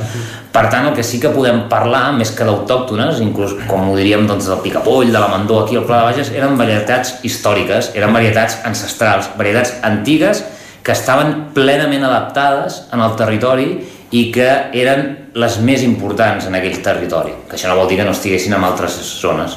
Llavors, varietat històrica seria un, un, un terme que, que seria més adient. Sí, històriques o ancestrals jo crec que ens podríem trobar bastants més còmodes. Molt bé. Sergi, no sé si tens alguna pregunta. A mi m'ha agradat molt aquest incís d'en Jordi, que ha sigut una pregunta una mica trampa d'alguna manera, no? perquè portem ja no sé quants mesos, 7 o 8 Sí. mesos visitant cellers, i clar, hem estat a diferents cellers que tenen cabernets, que tenen uh, garnatxa fins i tot, i els hem, a tothom li ens hem preguntat, no? La teva, les teves varietats són autòctones o, o són benvingudes o, o és un... M'ha agradat molt la... Sí, perquè a vegades veus, no, estem recuperant aquesta varietat perquè sabem que es plantava aquí al, al segle XIX, saps? I dius, ostres, jo pensava que això era de l'Empordà. I dius, clar, són coses que... Bueno, pensem que les fronteres, és que no, no existien les fronteres, no, no, no. avui dia sí que tenim sí. molt marcat, molt marcat, però per l'arc mediterrani, doncs des de Catalunya, València i, i les illes estava tot connectat, no? I llavors eh, podem trobar, ara, aquelles varietats eh, al segle XVIII o al segle XVII estaven igualment adaptades a tot arreu? No. Hi havia unes zones de cultiu on aquelles varietats eren les principals, per tant, estaven plenament adaptades allà i doncs com passàvem el picapoll blanc aquí a la Catalunya central o passàvem el mandó, eren varietats molt ben adaptades a la climatologia, a, al sol de la Catalunya central. Que això no vol dir doncs, que a València pogués haver un residual o a les illes també de, Man- de Sumoll o què I, fos. i seria, hi hauria algun altre lloc on el mandó fos una varietat històrica? Mm, Podem trobar, et diria l'arc mediterrani, o sigui, de Mandó se'n pot trobar residualment en alguna altra zona, com per exemple hi ha una vinya petita a l'Empordà, on tenen, on tenen mandó de mitja hectàrea de, de, de, de mandó, ara no em facis dir si és a Garriguella, però hi, ha, hi, ha, hi ha mitja hectàrea de mandó a, a l'Empordà, hi ha algo a València, inclús trobem algun cep molt puntual a Castella i Lleó, eh, li diuen mandon, però que és la mateixa, la mateixa, la mateixa varietat. Eh, llavors, mm, home, dintre de l'arc mediterrani, doncs diem des de l'Empordà fins, a, fins al sud, potser no tant a Tarragona, perquè Tarragona és molt més una zona de garnatxes, de, de Samsó, de Carinyena, però la mandó hi podia ser-hi. Ara, plenament trobada i bibliogràficament eh, hi ha evidències, a la Catalunya central era el pulmó, era el pulmó de, de la mandó. Vale, moltes gràcies per, per fer aquesta, aquesta classe que ens has fet aquí una mica de, per saber i que la gent sàpiga una mica com treballeu. Moltes gràcies, salut. Gràcies.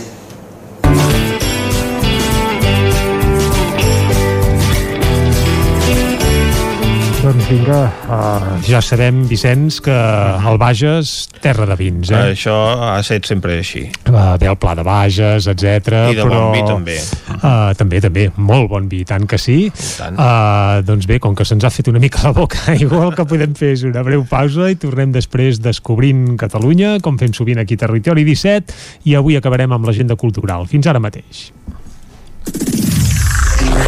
El nou FM. El nou FM. Can Xalant, moda i complements. Més que rebaixes, nova secció tot a 10 euros. Moda home-dona, nen-nena, sabates, bosses de mà, maletes, complements i molt més. Sí, ho has sentit bé, tot a 10 euros.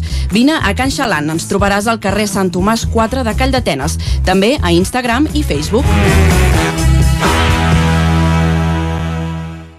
Cocodril Club. Si t'agrada la bona música dels anys 60, 70 i 80, escolta el 9 FM als matins de dissabtes i diumenges d'11 a 1. És el temps del Cocodril Club, tot un clàssic de la ràdio, amb les bases del pop-rock, les llegendes, les cançons que s'han convertit en autèntics himnes. Recorda, dissabtes i diumenges al matí, d'11 a 1, al 9 FM 92.8. Cocodril Club, el programa revival de l'Albert Malla. Hasta luego, cocodrilo. Anuncia't al 9FM. La màquina de casa. 9 3 8 8 9 4 9 4 9 Publicitat arroba al 9FM.cat. Anuncia't al 9FM. La publicitat més eficaç. Cobertes serveis funeraris. Els nostres tanatoris estan ubicats en els nuclis urbans més poblats de la comarca d'Osona per oferir un millor servei. Tanatori de Vic, Tanatori de Manlleu, Tanatori de Centelles i Tanatori de Roda de Ter. Sabem que són moments difícils i per això el nostre compromís és atendre-us en tot moment amb un tracte humà, sensible i respectuós. Cobertes serveis funeraris. Telèfon 24 hores 93 883 23 46. Només pensar en passar aquesta nit sense calefacció amb aquest fred? No es preocupi, hem analitzat a fons la caldera i de seguida quedarà reparada i en funcionament. Quan tingui un problema amb la seva caldera, vagi directament a la solució. Truqui sempre al servei tècnic oficial de Saunier Duval i despreocupis, perquè som fabricants i coneixem les nostres calderes peça a peça. Informis a Oficiat Nord trucant al 938860040. Saunier Duval, sempre al seu costat. Hi ha una màgia que no té truc. És la màgia de compartir una estona amb algú i parlar-hi. Vols practicar el català o ajudar algú a parlar-lo? Apunta't al Voluntariat per la Llengua, al programa de les parelles lingüístiques a vxl.cat. Perquè quan parles, fas màgia. Generalitat de Catalunya, 100 milions i mig de futurs. C Cosmètics, el vostre distribuïdor de perruqueria i cosmètica bio de la comarca, us agraeix la confiança de tots aquests anys i us convida a visitar la nova botiga online www.ccosmetics.net us obsequiem amb un 10% de descompte en la vostra primera compra. També podeu recollir les vostres comandes al carrer Nord, número 2, baixos de Vic. I ara, nou servei d'articles anticovid, dirigit a empreses. Us hi esperem. El nou FM, el nou FM, el nou FM, el nou FM, el nou FM.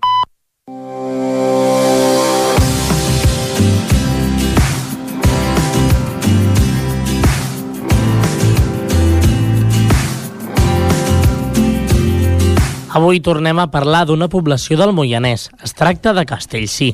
Es troba situat al sud-est del Moianès amb una població de poc més de 700 habitants. Castellcir va ser un poble tradicionalment pagès, amb tot un seguit de masos dispersos i un nucli de cases habitades per menestrals i petits pagesos, formant un carrer anomenat de l'Amargura. Castellcir ha crescut al voltant d'aquest carrer i actualment és un poble on conviuen els sectors agrícola i ramader, la indústria ecològica i agroalimentària i els serveis. A Castellcir hi té la capçalera el riu Tenes, que se'n va cap al Besòs, i la riera de Fons Calents, que aboca les seves aigües al Llobregat. Una de les primeres visites obligades és el castell de la Popa. Se l'anomena així per la forma de vaixell de la roca sobre la que està construït, data del segle X. Tot i que actualment es troba en ruïnes, és una peça molt interessant i espectacular. Situada estratègicament als peus del castell hi ha la torrassa dels moros, lloc de guaita per a la seguretat dels senyors del castell. El castell està en no massa bon estat degut a l'espoliació que va patir a començament del segle. Dalt del castell queden també les restes de l'ermita de Sant Martí. Prop del castell podem trobar la bauma d'en Roma, on s'allotjava al segle passat un bandoler anomenat així. L'església vella o de Sant Andreu està situada al costat de la riera de Castellcir i es troba ja mencionada en documents de l'any 939. És un edifici de planta basilical amb l'absis ben conservat. S'ha plantejat la seva propera restauració. El terme de Castellcir està format per dos parts físicament separades entre si. Una, on és el poble de Castellcir, i l'altra, el paratge de Marfà, situat a uns quants quilòmetres al nord-est que pertany a Castellcir des del segle XIX. Concretament, aquest enclavament va ser unit al municipi al 1845. Hi podem trobar allà l'ermita de Sant Pere i de la Mare de Déu de la Tosca i els molins de la Tosca i d'en Brotons amb nombroses fonts. La riera forma aquí uns salts d'aigua de gran bellesa.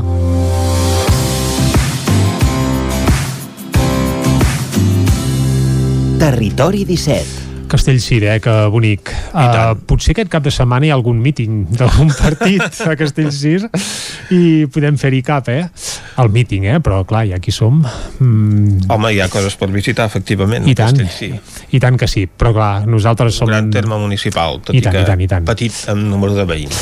Bé, però nosaltres som de molt bona geia i bé, ni que hi hagi un míting ens hi atensarem, eh? Perquè farem bondat, però clar, per idees és que clar, és que ens ho posen en, en safat, eh?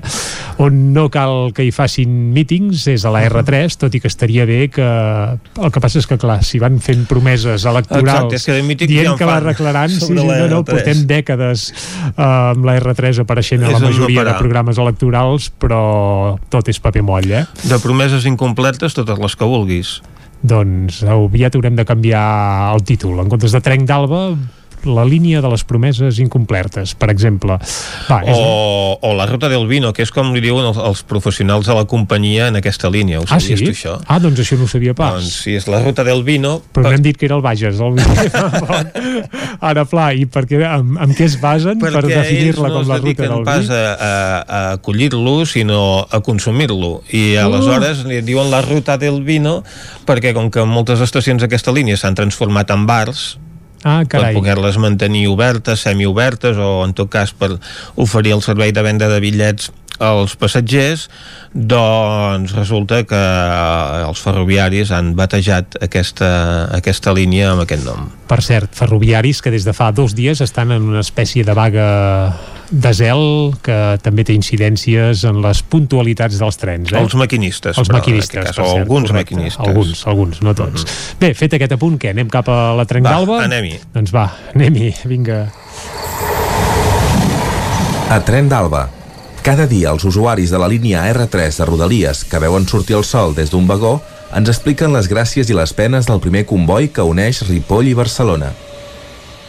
Benvinguts a Tren d'Alba. Avui us explicaré el final de les obres de construcció del túnel de Toses, que tants mal de caps ens està portant fins ara. Doncs mireu, la societat constituïda per Corsini, Retuerta i Brunet, que va començar les obres el mes de desembre de l'any 1911, es va dissoldre. L'Estat va assumir la construcció directe mentre treballava en altres trams de la línia. El calament final no es va poder fer fins al 28 de febrer del 1919, és a dir, 7 anys i 3 mesos després que comencessin els treballs. D'aquesta manera, el tren que havia inaugurat el primer trajecte fins a Ribes de Freser el mes d'agost del 1919 va poder obrir la circulació de convois entre Ribes i la Molina el juliol de 1922 i el de la Molina Puigcerdà el mes d'octubre d'aquell mateix any. La connexió definitiva amb la xarxa francesa i l'estació de l'atur de Carol en Veig, per culpa de les dificultats que va patir França durant la Primera Guerra Mundial, va haver d'esperar una mica més, fins al juliol del 1929, data en què es va inaugurar, així mateix, l'electrificació de la línia. Per als habitants de la Cerdanya i el Ripollès, el tren va representar una millora innegable per a les comunicacions veïnals, les activitats comercials i el turisme de muntanya. Va, ens retrobem demà per explicar-vos més històries de la R3. Territori 17.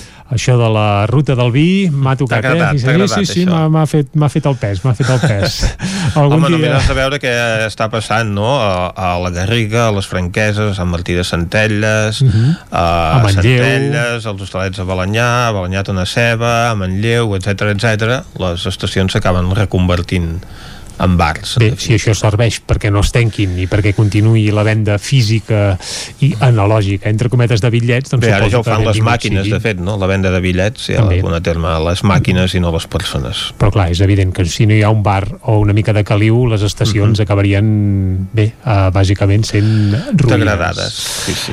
Fet aquest repàs que fem diàriament a la R3, avui som dimecres i el que toca és avançar-vos els actes culturals per aquest cap de setmana. Ens hi capbussem de seguida. I Vicenç, sempre fem un recorregut per tot el territori 17 per saber on podem anar, auditoris, concerts, teatres, eh, cadascú a casa seva, això sí, perquè continuem confinats municipalment parlant. Uh, i per on l'arrencarem si algú té mítings que ho digui, també. Sí, bé, exacte. Si Sobretot míting si són val com els dels pets, no? Per exemple, els pets de Constantí que han avançat que han creat un partit per poder anar fent mítings a partir d'aquest cap de setmana mateix. Bé, si ens assabentem d'algun, evidentment us en farem 5 cèntims des d'aquí i si cal hi farem cap tots i tot. Per cert, que els pets seran el tastautors de Cardedeu, ah. uh, no sencers, sinó amb el Lluís Gavaldà i el Joan Pau Chaves, això ho vam explicar ahir a Territori 17 i pot ser una molt bona proposta, eh? No sé si fan una mica de míting en Gavaldà quan es deixa anar, en el fons alguns bolos també són una mica pamfletaris i mitingueros, per tant podríem colar-ho com a excusa per anar fins a Cardedeu, eh? Això ens ho poden explicar des de la veu de Sant Joan, perquè a Sant Joan doncs, ja hi van anar a oferir aquest espectacle i Correcte. per tant en tenen més detalls. Però ara no anirem a Sant Joan, sinó No. que el que farem és anar a Cardedeu, com tu bé deies, amb l'Òscar Muñoz perquè ens expliqui doncs, què és el que hi ha programat pels propers dies. Òscar, bon dia. Bon dia. Que, quines són les activitats eh, culturals que hi ha programades pels propers dies? Doncs sí, doncs aquest cap de setmana ja tenim més cosetes. Comencem per demà dijous, a les 7 de, del vespre, tenim la tertúlia, liter, bueno, la tertúlia del còmic La saga del Jimir, del Mhm. Jeremy Mourier, i dinamitzada la sessió per al Sergi Portela i ens parlem d'aquest orfe dotat d'aquesta extraordinària força en una situació doncs, del seu país bèl·lica. Eh, ja tenim dates pel 31è Festival de Jazz de Granollers, uh -huh. que començarà aquest, aquest divendres 29 de gener i s'allargarà fins al mes d'abril. Uh -huh. Començarem amb, amb, amb el concert de la Rita Pallés i el Martí Serra Quartet a les 8 del vespre. La trombonista i cantant eh, venen a presentar el nou àlbum Songs Nina Sang, uh -huh. un petit homenatge a la cantautora americana Nina Simone a través del jazz, del soul i del blues. Eh, totes les entrades s'han d'adquirir de forma física a la taquilla del Casino de Granollers fins a 30 minuts abans de, de l'hora de l'inici del concert. Molt bé. Al Llinàs, uh -huh. al Teatre Auditori de, bueno, de Llinàs de Vallès, eh, arriba De Boris Causa amb doble funció divendres a les 8 i dissabte a les 6 i això, de Causa que ens diuen que no és que és difícil de, de catalogar aquest espectacle ja que balla entre diferents gèneres que ens faran riure i, so, i segur que ens sorprenen com tots els espectacles que tenen l'Escarlata Circos. Uh -huh.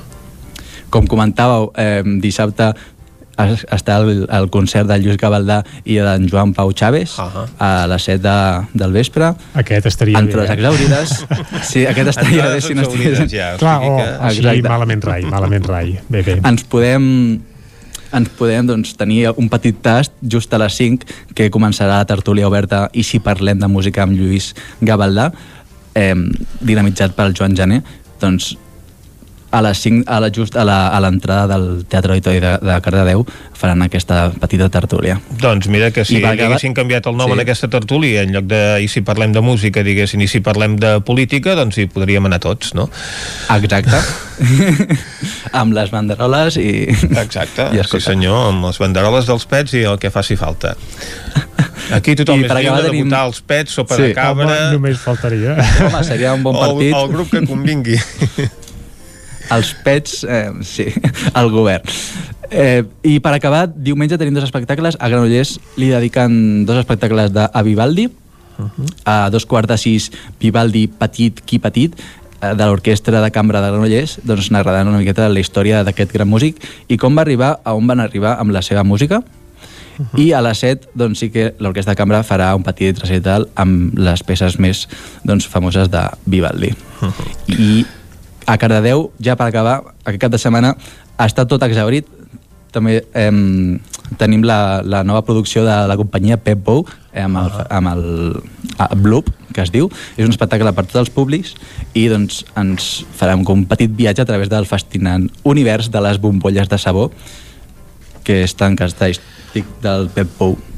I, I això és bona sí. senyal perquè això vol dir que aquest Nadal doncs, s'ha doncs, regalat cultura, ja que aquests, cada cop els espectacles estan amb entrades exaurides. Doncs ho celebrem. La llàstima és que per motius sanitaris doncs, només hi pugui anar el 50% de l'aforament a aquests espectacles, però si més no que es puguin omplir els recintes, doncs és un bon senyal i que la gent té ganes de cultura.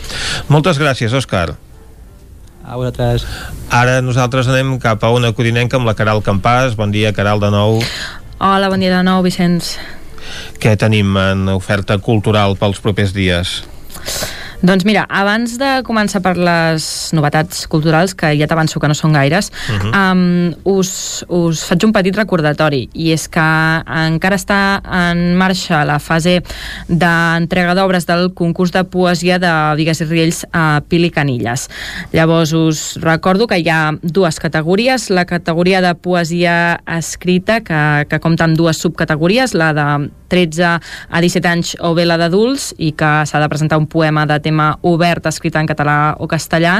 Uh, aquesta categoria de poesia escrita constarà de dos premis, un primer premi de 150 euros i un segon premi de 100 euros i els imports uh, a gastar a comerços locals. I llavors la segona categoria és la categoria de rodolins i es tracta de presentar un rodolí en català de tema obert escrit per infants de 7 a 12 anys i també hi ha dos premis, un primer premi en aquest cas de 40 euros i un segon premi de 30 euros que també és per gastar presentar en comerços locals. Llavors, eh, l'últim dia per presentar doncs aquestes obres és el, el 12 de febrer a les 8 del vespre. Uh -huh. I ara sí que us comento dues activitats que tenim. Um, la primera que us exposo és avui mateix, a dos quarts de sis de la tarda. Aquí a Sant Feliu de Codines, la biblioteca organitza doncs, una nova hora del conte. Uh, la d'avui és a càrrec de la companyia La Minúscula i ens explicaran contes foscos, diuen. Uh, utilitzaran joc de llums i de diferents colors per crear un ambient doncs, diferent i explicar aquests, aquests contos, contes foscos. Això es retransmetrà també en directe a través del perfil uh, d'Instagram de la Biblioteca de Sant Feliu, que és arroba biblio Sant Feliu de Codines. Uh -huh. I uh, acabo com amb l'acte potser cultural més interessant o destacat, eh, també és aquí a Sant Feliu de Codines, i ho organitzen els de l'Incivic Zone. Uh, si fa unes setmanes ens portaven concert de Joan Colomo, doncs uh, aquest dia 30 ens porten un concert de Paul Fuster i Los Radars um, en format trio, guitarra i veu, saxo i bateria. Uh -huh. I com diuen ells Això mateixos... Això una bomba, eh, amb el Pol Fuster. Fa, fa molt que no el sentim, el Pol Fuster. És a dir, que... Anava, que vaja. com, anava a dir-te això ara mateix. Diu, com diuen els mateixos organitzadors, eh, diuen, el de Cardona surt de la cova i farà un concert exclusiu per la família incívica després de molt de temps sense trepitjar escenaris, com, com bé deies ara, Jordi. I, i bé, doncs aquest concert és, com deia, aquest dia 30 a les 6 de la tarda al Centre Cívic La Fonteta. S'ha de reservar entrada al telèfon mòbil 632 321 157 i avisen que les entrades són limitadíssimes. Llavors, tothom qui vulgui doncs pot reservar entrada que té un preu de 10 euros. Doncs que espavilin els que estiguin interessats. Exacte, sí. Moltes gràcies, I que Caral. siguin del municipi, clar, perquè els interessats segurament serien molts Exacte. més dels que podran assistir-hi, malauradament. Exacte, exactament. Però vaja. Doncs moltes gràcies, Caral. A vosaltres. Ara nosaltres anem cap a la veu de Sant Joan amb l'Isaac Muntades. Bon dia, Isaac. Bon dia, bon dia.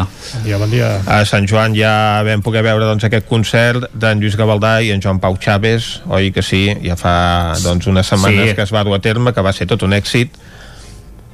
Sí, sí, ja el vam poder veure i, i va ser un èxit. De fet, a, avui que comentava això dels Pets, crec que pel seu Twitter els Pets han fet alguna piulada així curiosa dient que volien fundar un partit o alguna cosa així, No, no, perquè la ja gent... han dit que l'han fundat directament. Ah, que l'han fundat, eh? que, es, que es diu el PET, eh? el correcte, partit. correcte. Vull, vull dir que sí que és una cosa curiosa. Bé, en tot cas, eh, de moment aquí al Ripollès, no, que jo sàpiga, no tenim cap míting. Sí que hi ha un acte avui en petit comitè del, del PDeCAT, però de mítings de moment no no n'hi no n'hi ha, eh? Per tant, en principi no podeu venir al, al Ripollès aprofitant Oh. la vinentesa. Home, av- avui encara no comença la campanya, per tant... Sí, sí, no, no, està clar, evidentment. Vull dir que, que suposo que serà molt a última hora, no? que s'anunciaran també a, a última hora, evidentment això que comentes, eh? que encara no, no ha començat.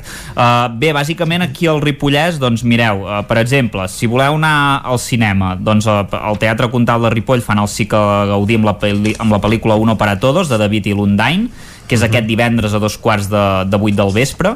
És una pel·lícula sobre com un professor doncs, pot canviar la vida d'uns alumnes i a la inversa i resulta que va, bàsicament, doncs, el professor interí, que és l'actor en David Verdaguer, doncs, assumeix la tasca de ser el tutor d'una classe de sisè, prim, de sisè de primària en un poble doncs, que li és completament desconegut, que no coneix a ningú i, i descobreix doncs, que ha de reintegrar un alumne malalt a l'aula i es troba amb un problema inesperat que al contrari del que sol passar, doncs gairebé cap dels seus companys i, i companyes vol que, que torni a classe. Per tant, eh, aquesta pel·lícula es fa al Comtal de, de Ripoll, l'entrada general val 4 euros i mig i amb carnet jove eh, són 3 euros, de, evidentment amb les limitacions d'aforament eh, eh, que corresponguin. Eh? Uh, després, uh, aquí a Sant Joan de les Abadeses tenim uh, una exposició uh, a l'art al Palau de, de l'Abadia, a l'Art Abadia, uh, de Jordi Tolosa, que es podrà veure fins al 21 de febrer. Uh, és una exposició que parla una mica de, del pas de, del temps, no? de, del, del clàssic del Tempus Fugit, i, i bàsicament bueno, s'hi pot veure doncs, eh, una instal·lació de, de rellotges escultòrics es, està força bé eh, aquesta exposició i, i bé, si voleu anar-hi doncs ja ho sabeu, eh? També Jordi Tolosa és un autor important perquè té obra en fons privats com a la Fundació Sunyol la Fundació Vilacases i l'any passat va exposar al Centre d'Art Santa Mònica per tant doncs ja és una persona que en aquest sentit doncs eh, està bregada i per tant sí que uh, de, de tant en tant, com que no tenim gaires ocasions de- d'activitats culturals així Mhm. més, uh, per dir-ho d'alguna manera, no estàtiques, doncs amb aquestes exposicions doncs això, això es compensa. Uh, I després, no és una activitat cultural, però sí que és un apunt cultural que, que fa una mica de, de gràcia, que és que el president francès de la Comissió de la Ger- de l'Agermanament entre l'Epalès, Sorbien i Sant Joan de les Abadeses doncs, ha fet arribar una col·lecció de 20 llibres de, de l'Astèrix, eh? Mhm. que, doncs, que segurament tots hem llegit eh, quan érem petits i no tan petits, i els ha fet arribar a l'Institut Escola Mestre Andreu, doncs, una mica per, per promoure doncs, aquí la literatura i aquest agermanament entre els dos pobles, i bé, doncs, eh, aquests dies doncs, hem pogut veure els infants que ja, que ja els estaven llegint, com que no s'ha pogut dur a terme doncs, l'intercanvi que es fa normalment cada any eh, escolar entre els alumnes de Sant Joan van a França i els de França venen aquí, doncs almenys hi ha hagut aquest intercanvi eh, de literatura, aquest intercanvi cultural i bàsicament això seria una mica el que tenim aquesta setmana eh, ja us explicarem si hi ha mítings la setmana que ve i coincideixen amb, amb activitats eh, culturals, que em sembla que sí que hi ha alguna cosa de, de teatre la setmana que ve a, a Ripoll. Doncs estarem atents. Moltes gràcies, Isaac. A vosaltres. Ara nosaltres anem a parlar amb en Jordi Vilarrodà, que ja és a punt per portar-nos l'actualitat cultural de la comarca d'Osona. Jordi, bon Hola, dia. molt bon dia, molt bon dia. Doncs tenim algunes coses d'actualitat eh, no gaires, però com que de moment eh, es pot continuar fent es pot continuar fent cultura amb totes les limitacions, es continua eh, i continua, per exemple, el Festival de Cinema de Muntanya del que ahir també parlàvem aquí Mhm. i continua amb sessions de xerrades al Teatre Sirviano. Recordem que les pel·lícules, ja ho vam dir, les pel·lícules es fan en plataforma online, però hi ha algunes activitats presencials que són aquestes xerrades que tenen lloc al, al Sirviano. I que en concret doncs, eh, ens en queden dues dependents ara, una que és avui a càrrec del periodista Toni Arbonés, eh, el dels viatgers de la Gran Anaconda de Catalunya Ràdio, que eh, parla dels antics regnes del Tibet eh, un antic regne tibetà doncs, que el, a l'època medieval d'aquí doncs era, era molt important. Ell és un bon coneixedor i ha trepitjat el, ha trepitjat el Tibet com molts altres països. I després demà doncs, hi haurà el, el director de la Casa del Tibet el Lama que va ser ja divendres a l'acte d'inauguració Tupten Vangshen que parlarà de la filosofia budista. Eh, les xerrades aquestes es fan a dos quarts de vuit del vespre al Sirvianum. Es fan presencialment i també es fan en streaming per qui no vulgui anar allà i les vulgui seguir des de casa igual que totes les pel·lícules i després el divendres tenim la sessió de Cluenda a dos quarts de vuit del vespre també al Sirvianum amb la proclamació dels, dels guanyadors del Festival de Cinema de Muntanya de l'edició d'aquest any eh, és previsible que, és clar com que moltes de les pel·lícules el de concurs lliurament exacte són any? internacionals doncs eh, és previsible que hi hagi molts dels directors que no hi puguin ser perquè Clar. aquí hem tingut directors de, de, de molts llocs moltes vegades hi ha gent que ha agafat vols intercontinentals per venir a recollir un premi a Torelló és un, Clar. un festival de molt de prestigi però que, és clar aquesta vegada eh, és probablement, segons quins siguin els guanyadors, no crec que els puguem tenir al Sirviano aquest divendres. Mhm. eh, i ja, doncs, que estem, com que estem parlant del Sirviano no ens movem d'aquí i recordem també que el dissabte en dues sessions a les 6 de la tarda i a les 8 del vespre i tindrem el McLari uh -huh. el McLari, amb una nit amb el McLari un dels seus espectacles Una nit l'hauria de rebatejar com una tarda. una tarda, sí. en compte De fet, de fet l'espectacle es diu una nit, però serà allò entre la tarda i nit, eh? Sí, sobretot Serà els que vagin a les 6. Sí, entre, sí. entre la tarda i nit, amb, dues, amb dues sessions, eh, degut a les limitacions d'aforament i tot plegat, i, en fi, després de 25 anys de carrera, què n'hem de dir del McLari, oi? Que la gent no conegui. Que la gent no conegui. El Sirviano amb el McLari, doncs, aquest dissabte. Eh, el mateix dissabte, qui no vulgui veure màgia pot veure, pot escoltar música, però de primeríssima categoria. Van quedar concerts del, del cicle de grans concerts de l'Atlàntida en van quedar dos dependents i un es fa aquest dissabte a les 8 de vespre a la sala Ramon Montanyà i és el violoncel·lista Misha Maisky que l'estem sentint. Sí, ara estem Va, sí, escoltem-lo una estona en primer pla perquè diuen que és un dels que millor interpreta les suites de violoncel de Bach. Eh, N'escoltem un fragment, tot i que aquesta no es podrà escoltar a Vic, eh? però vaja, escoltem-ne un fragment per saber com es patega el violoncel del Misca Mai. Escoltem-lo.